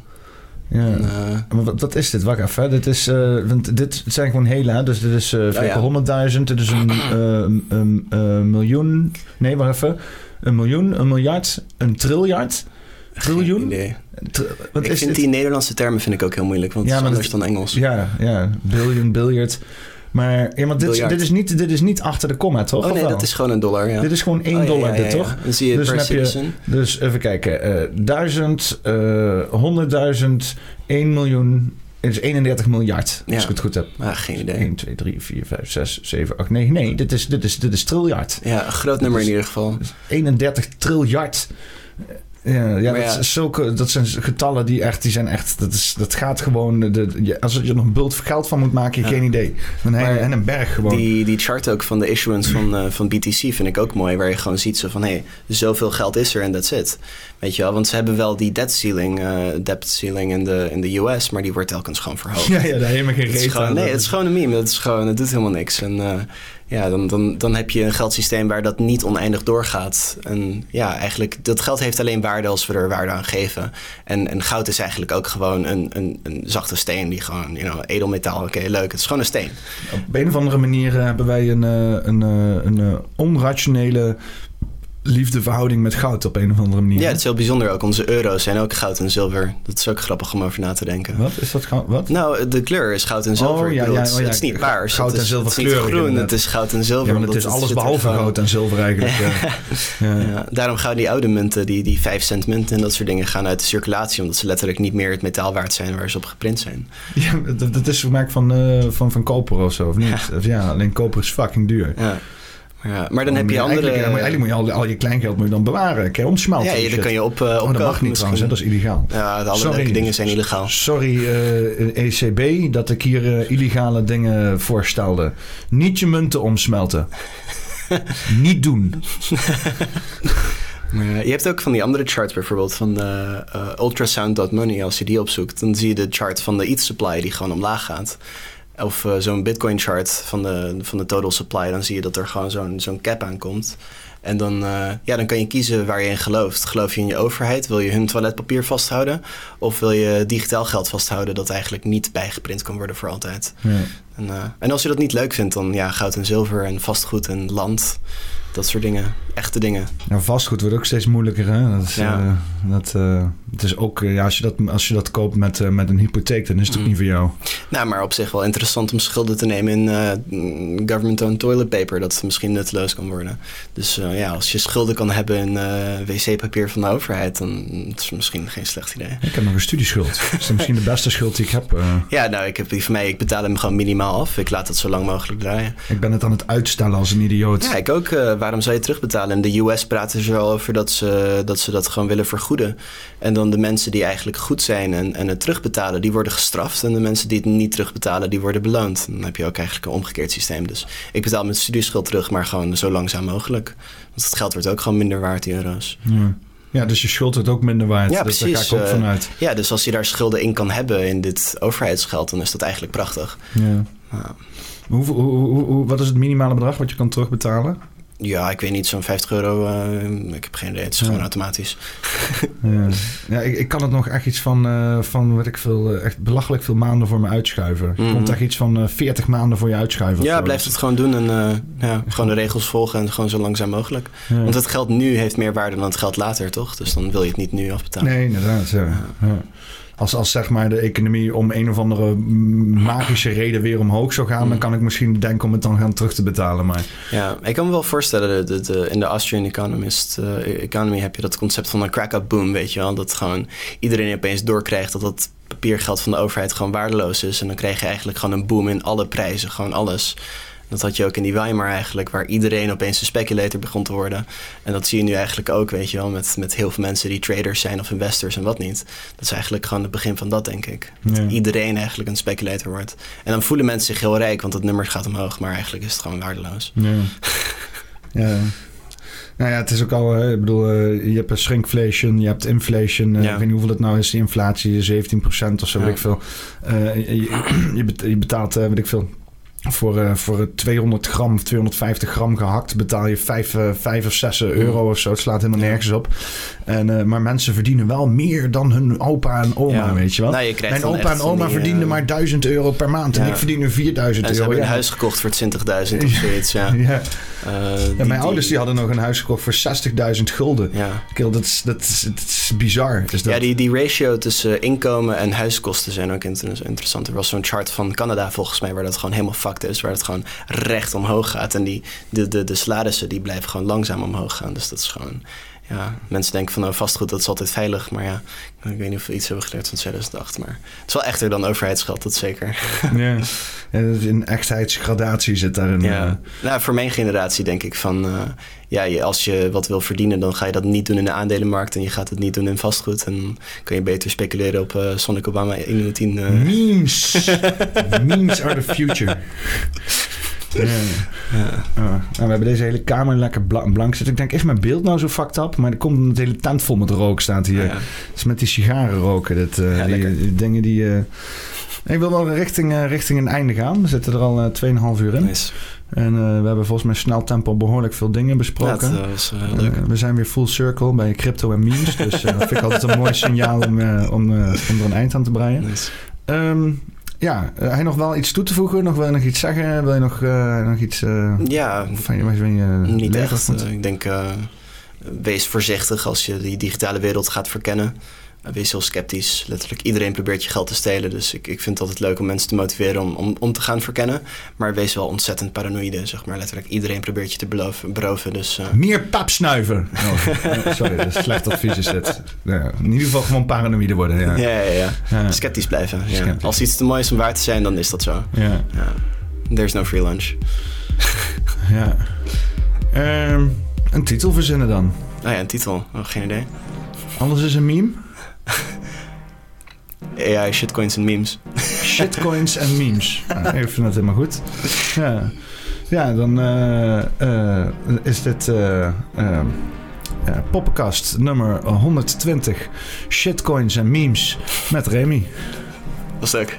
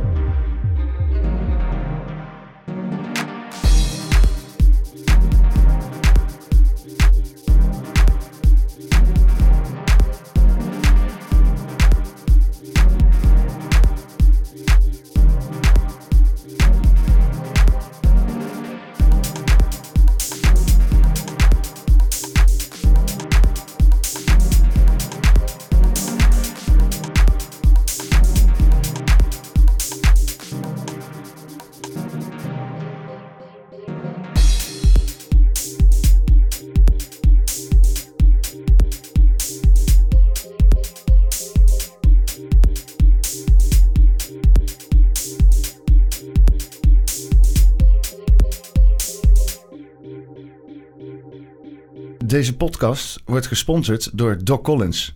Breng ambacht weer terug in de schappen.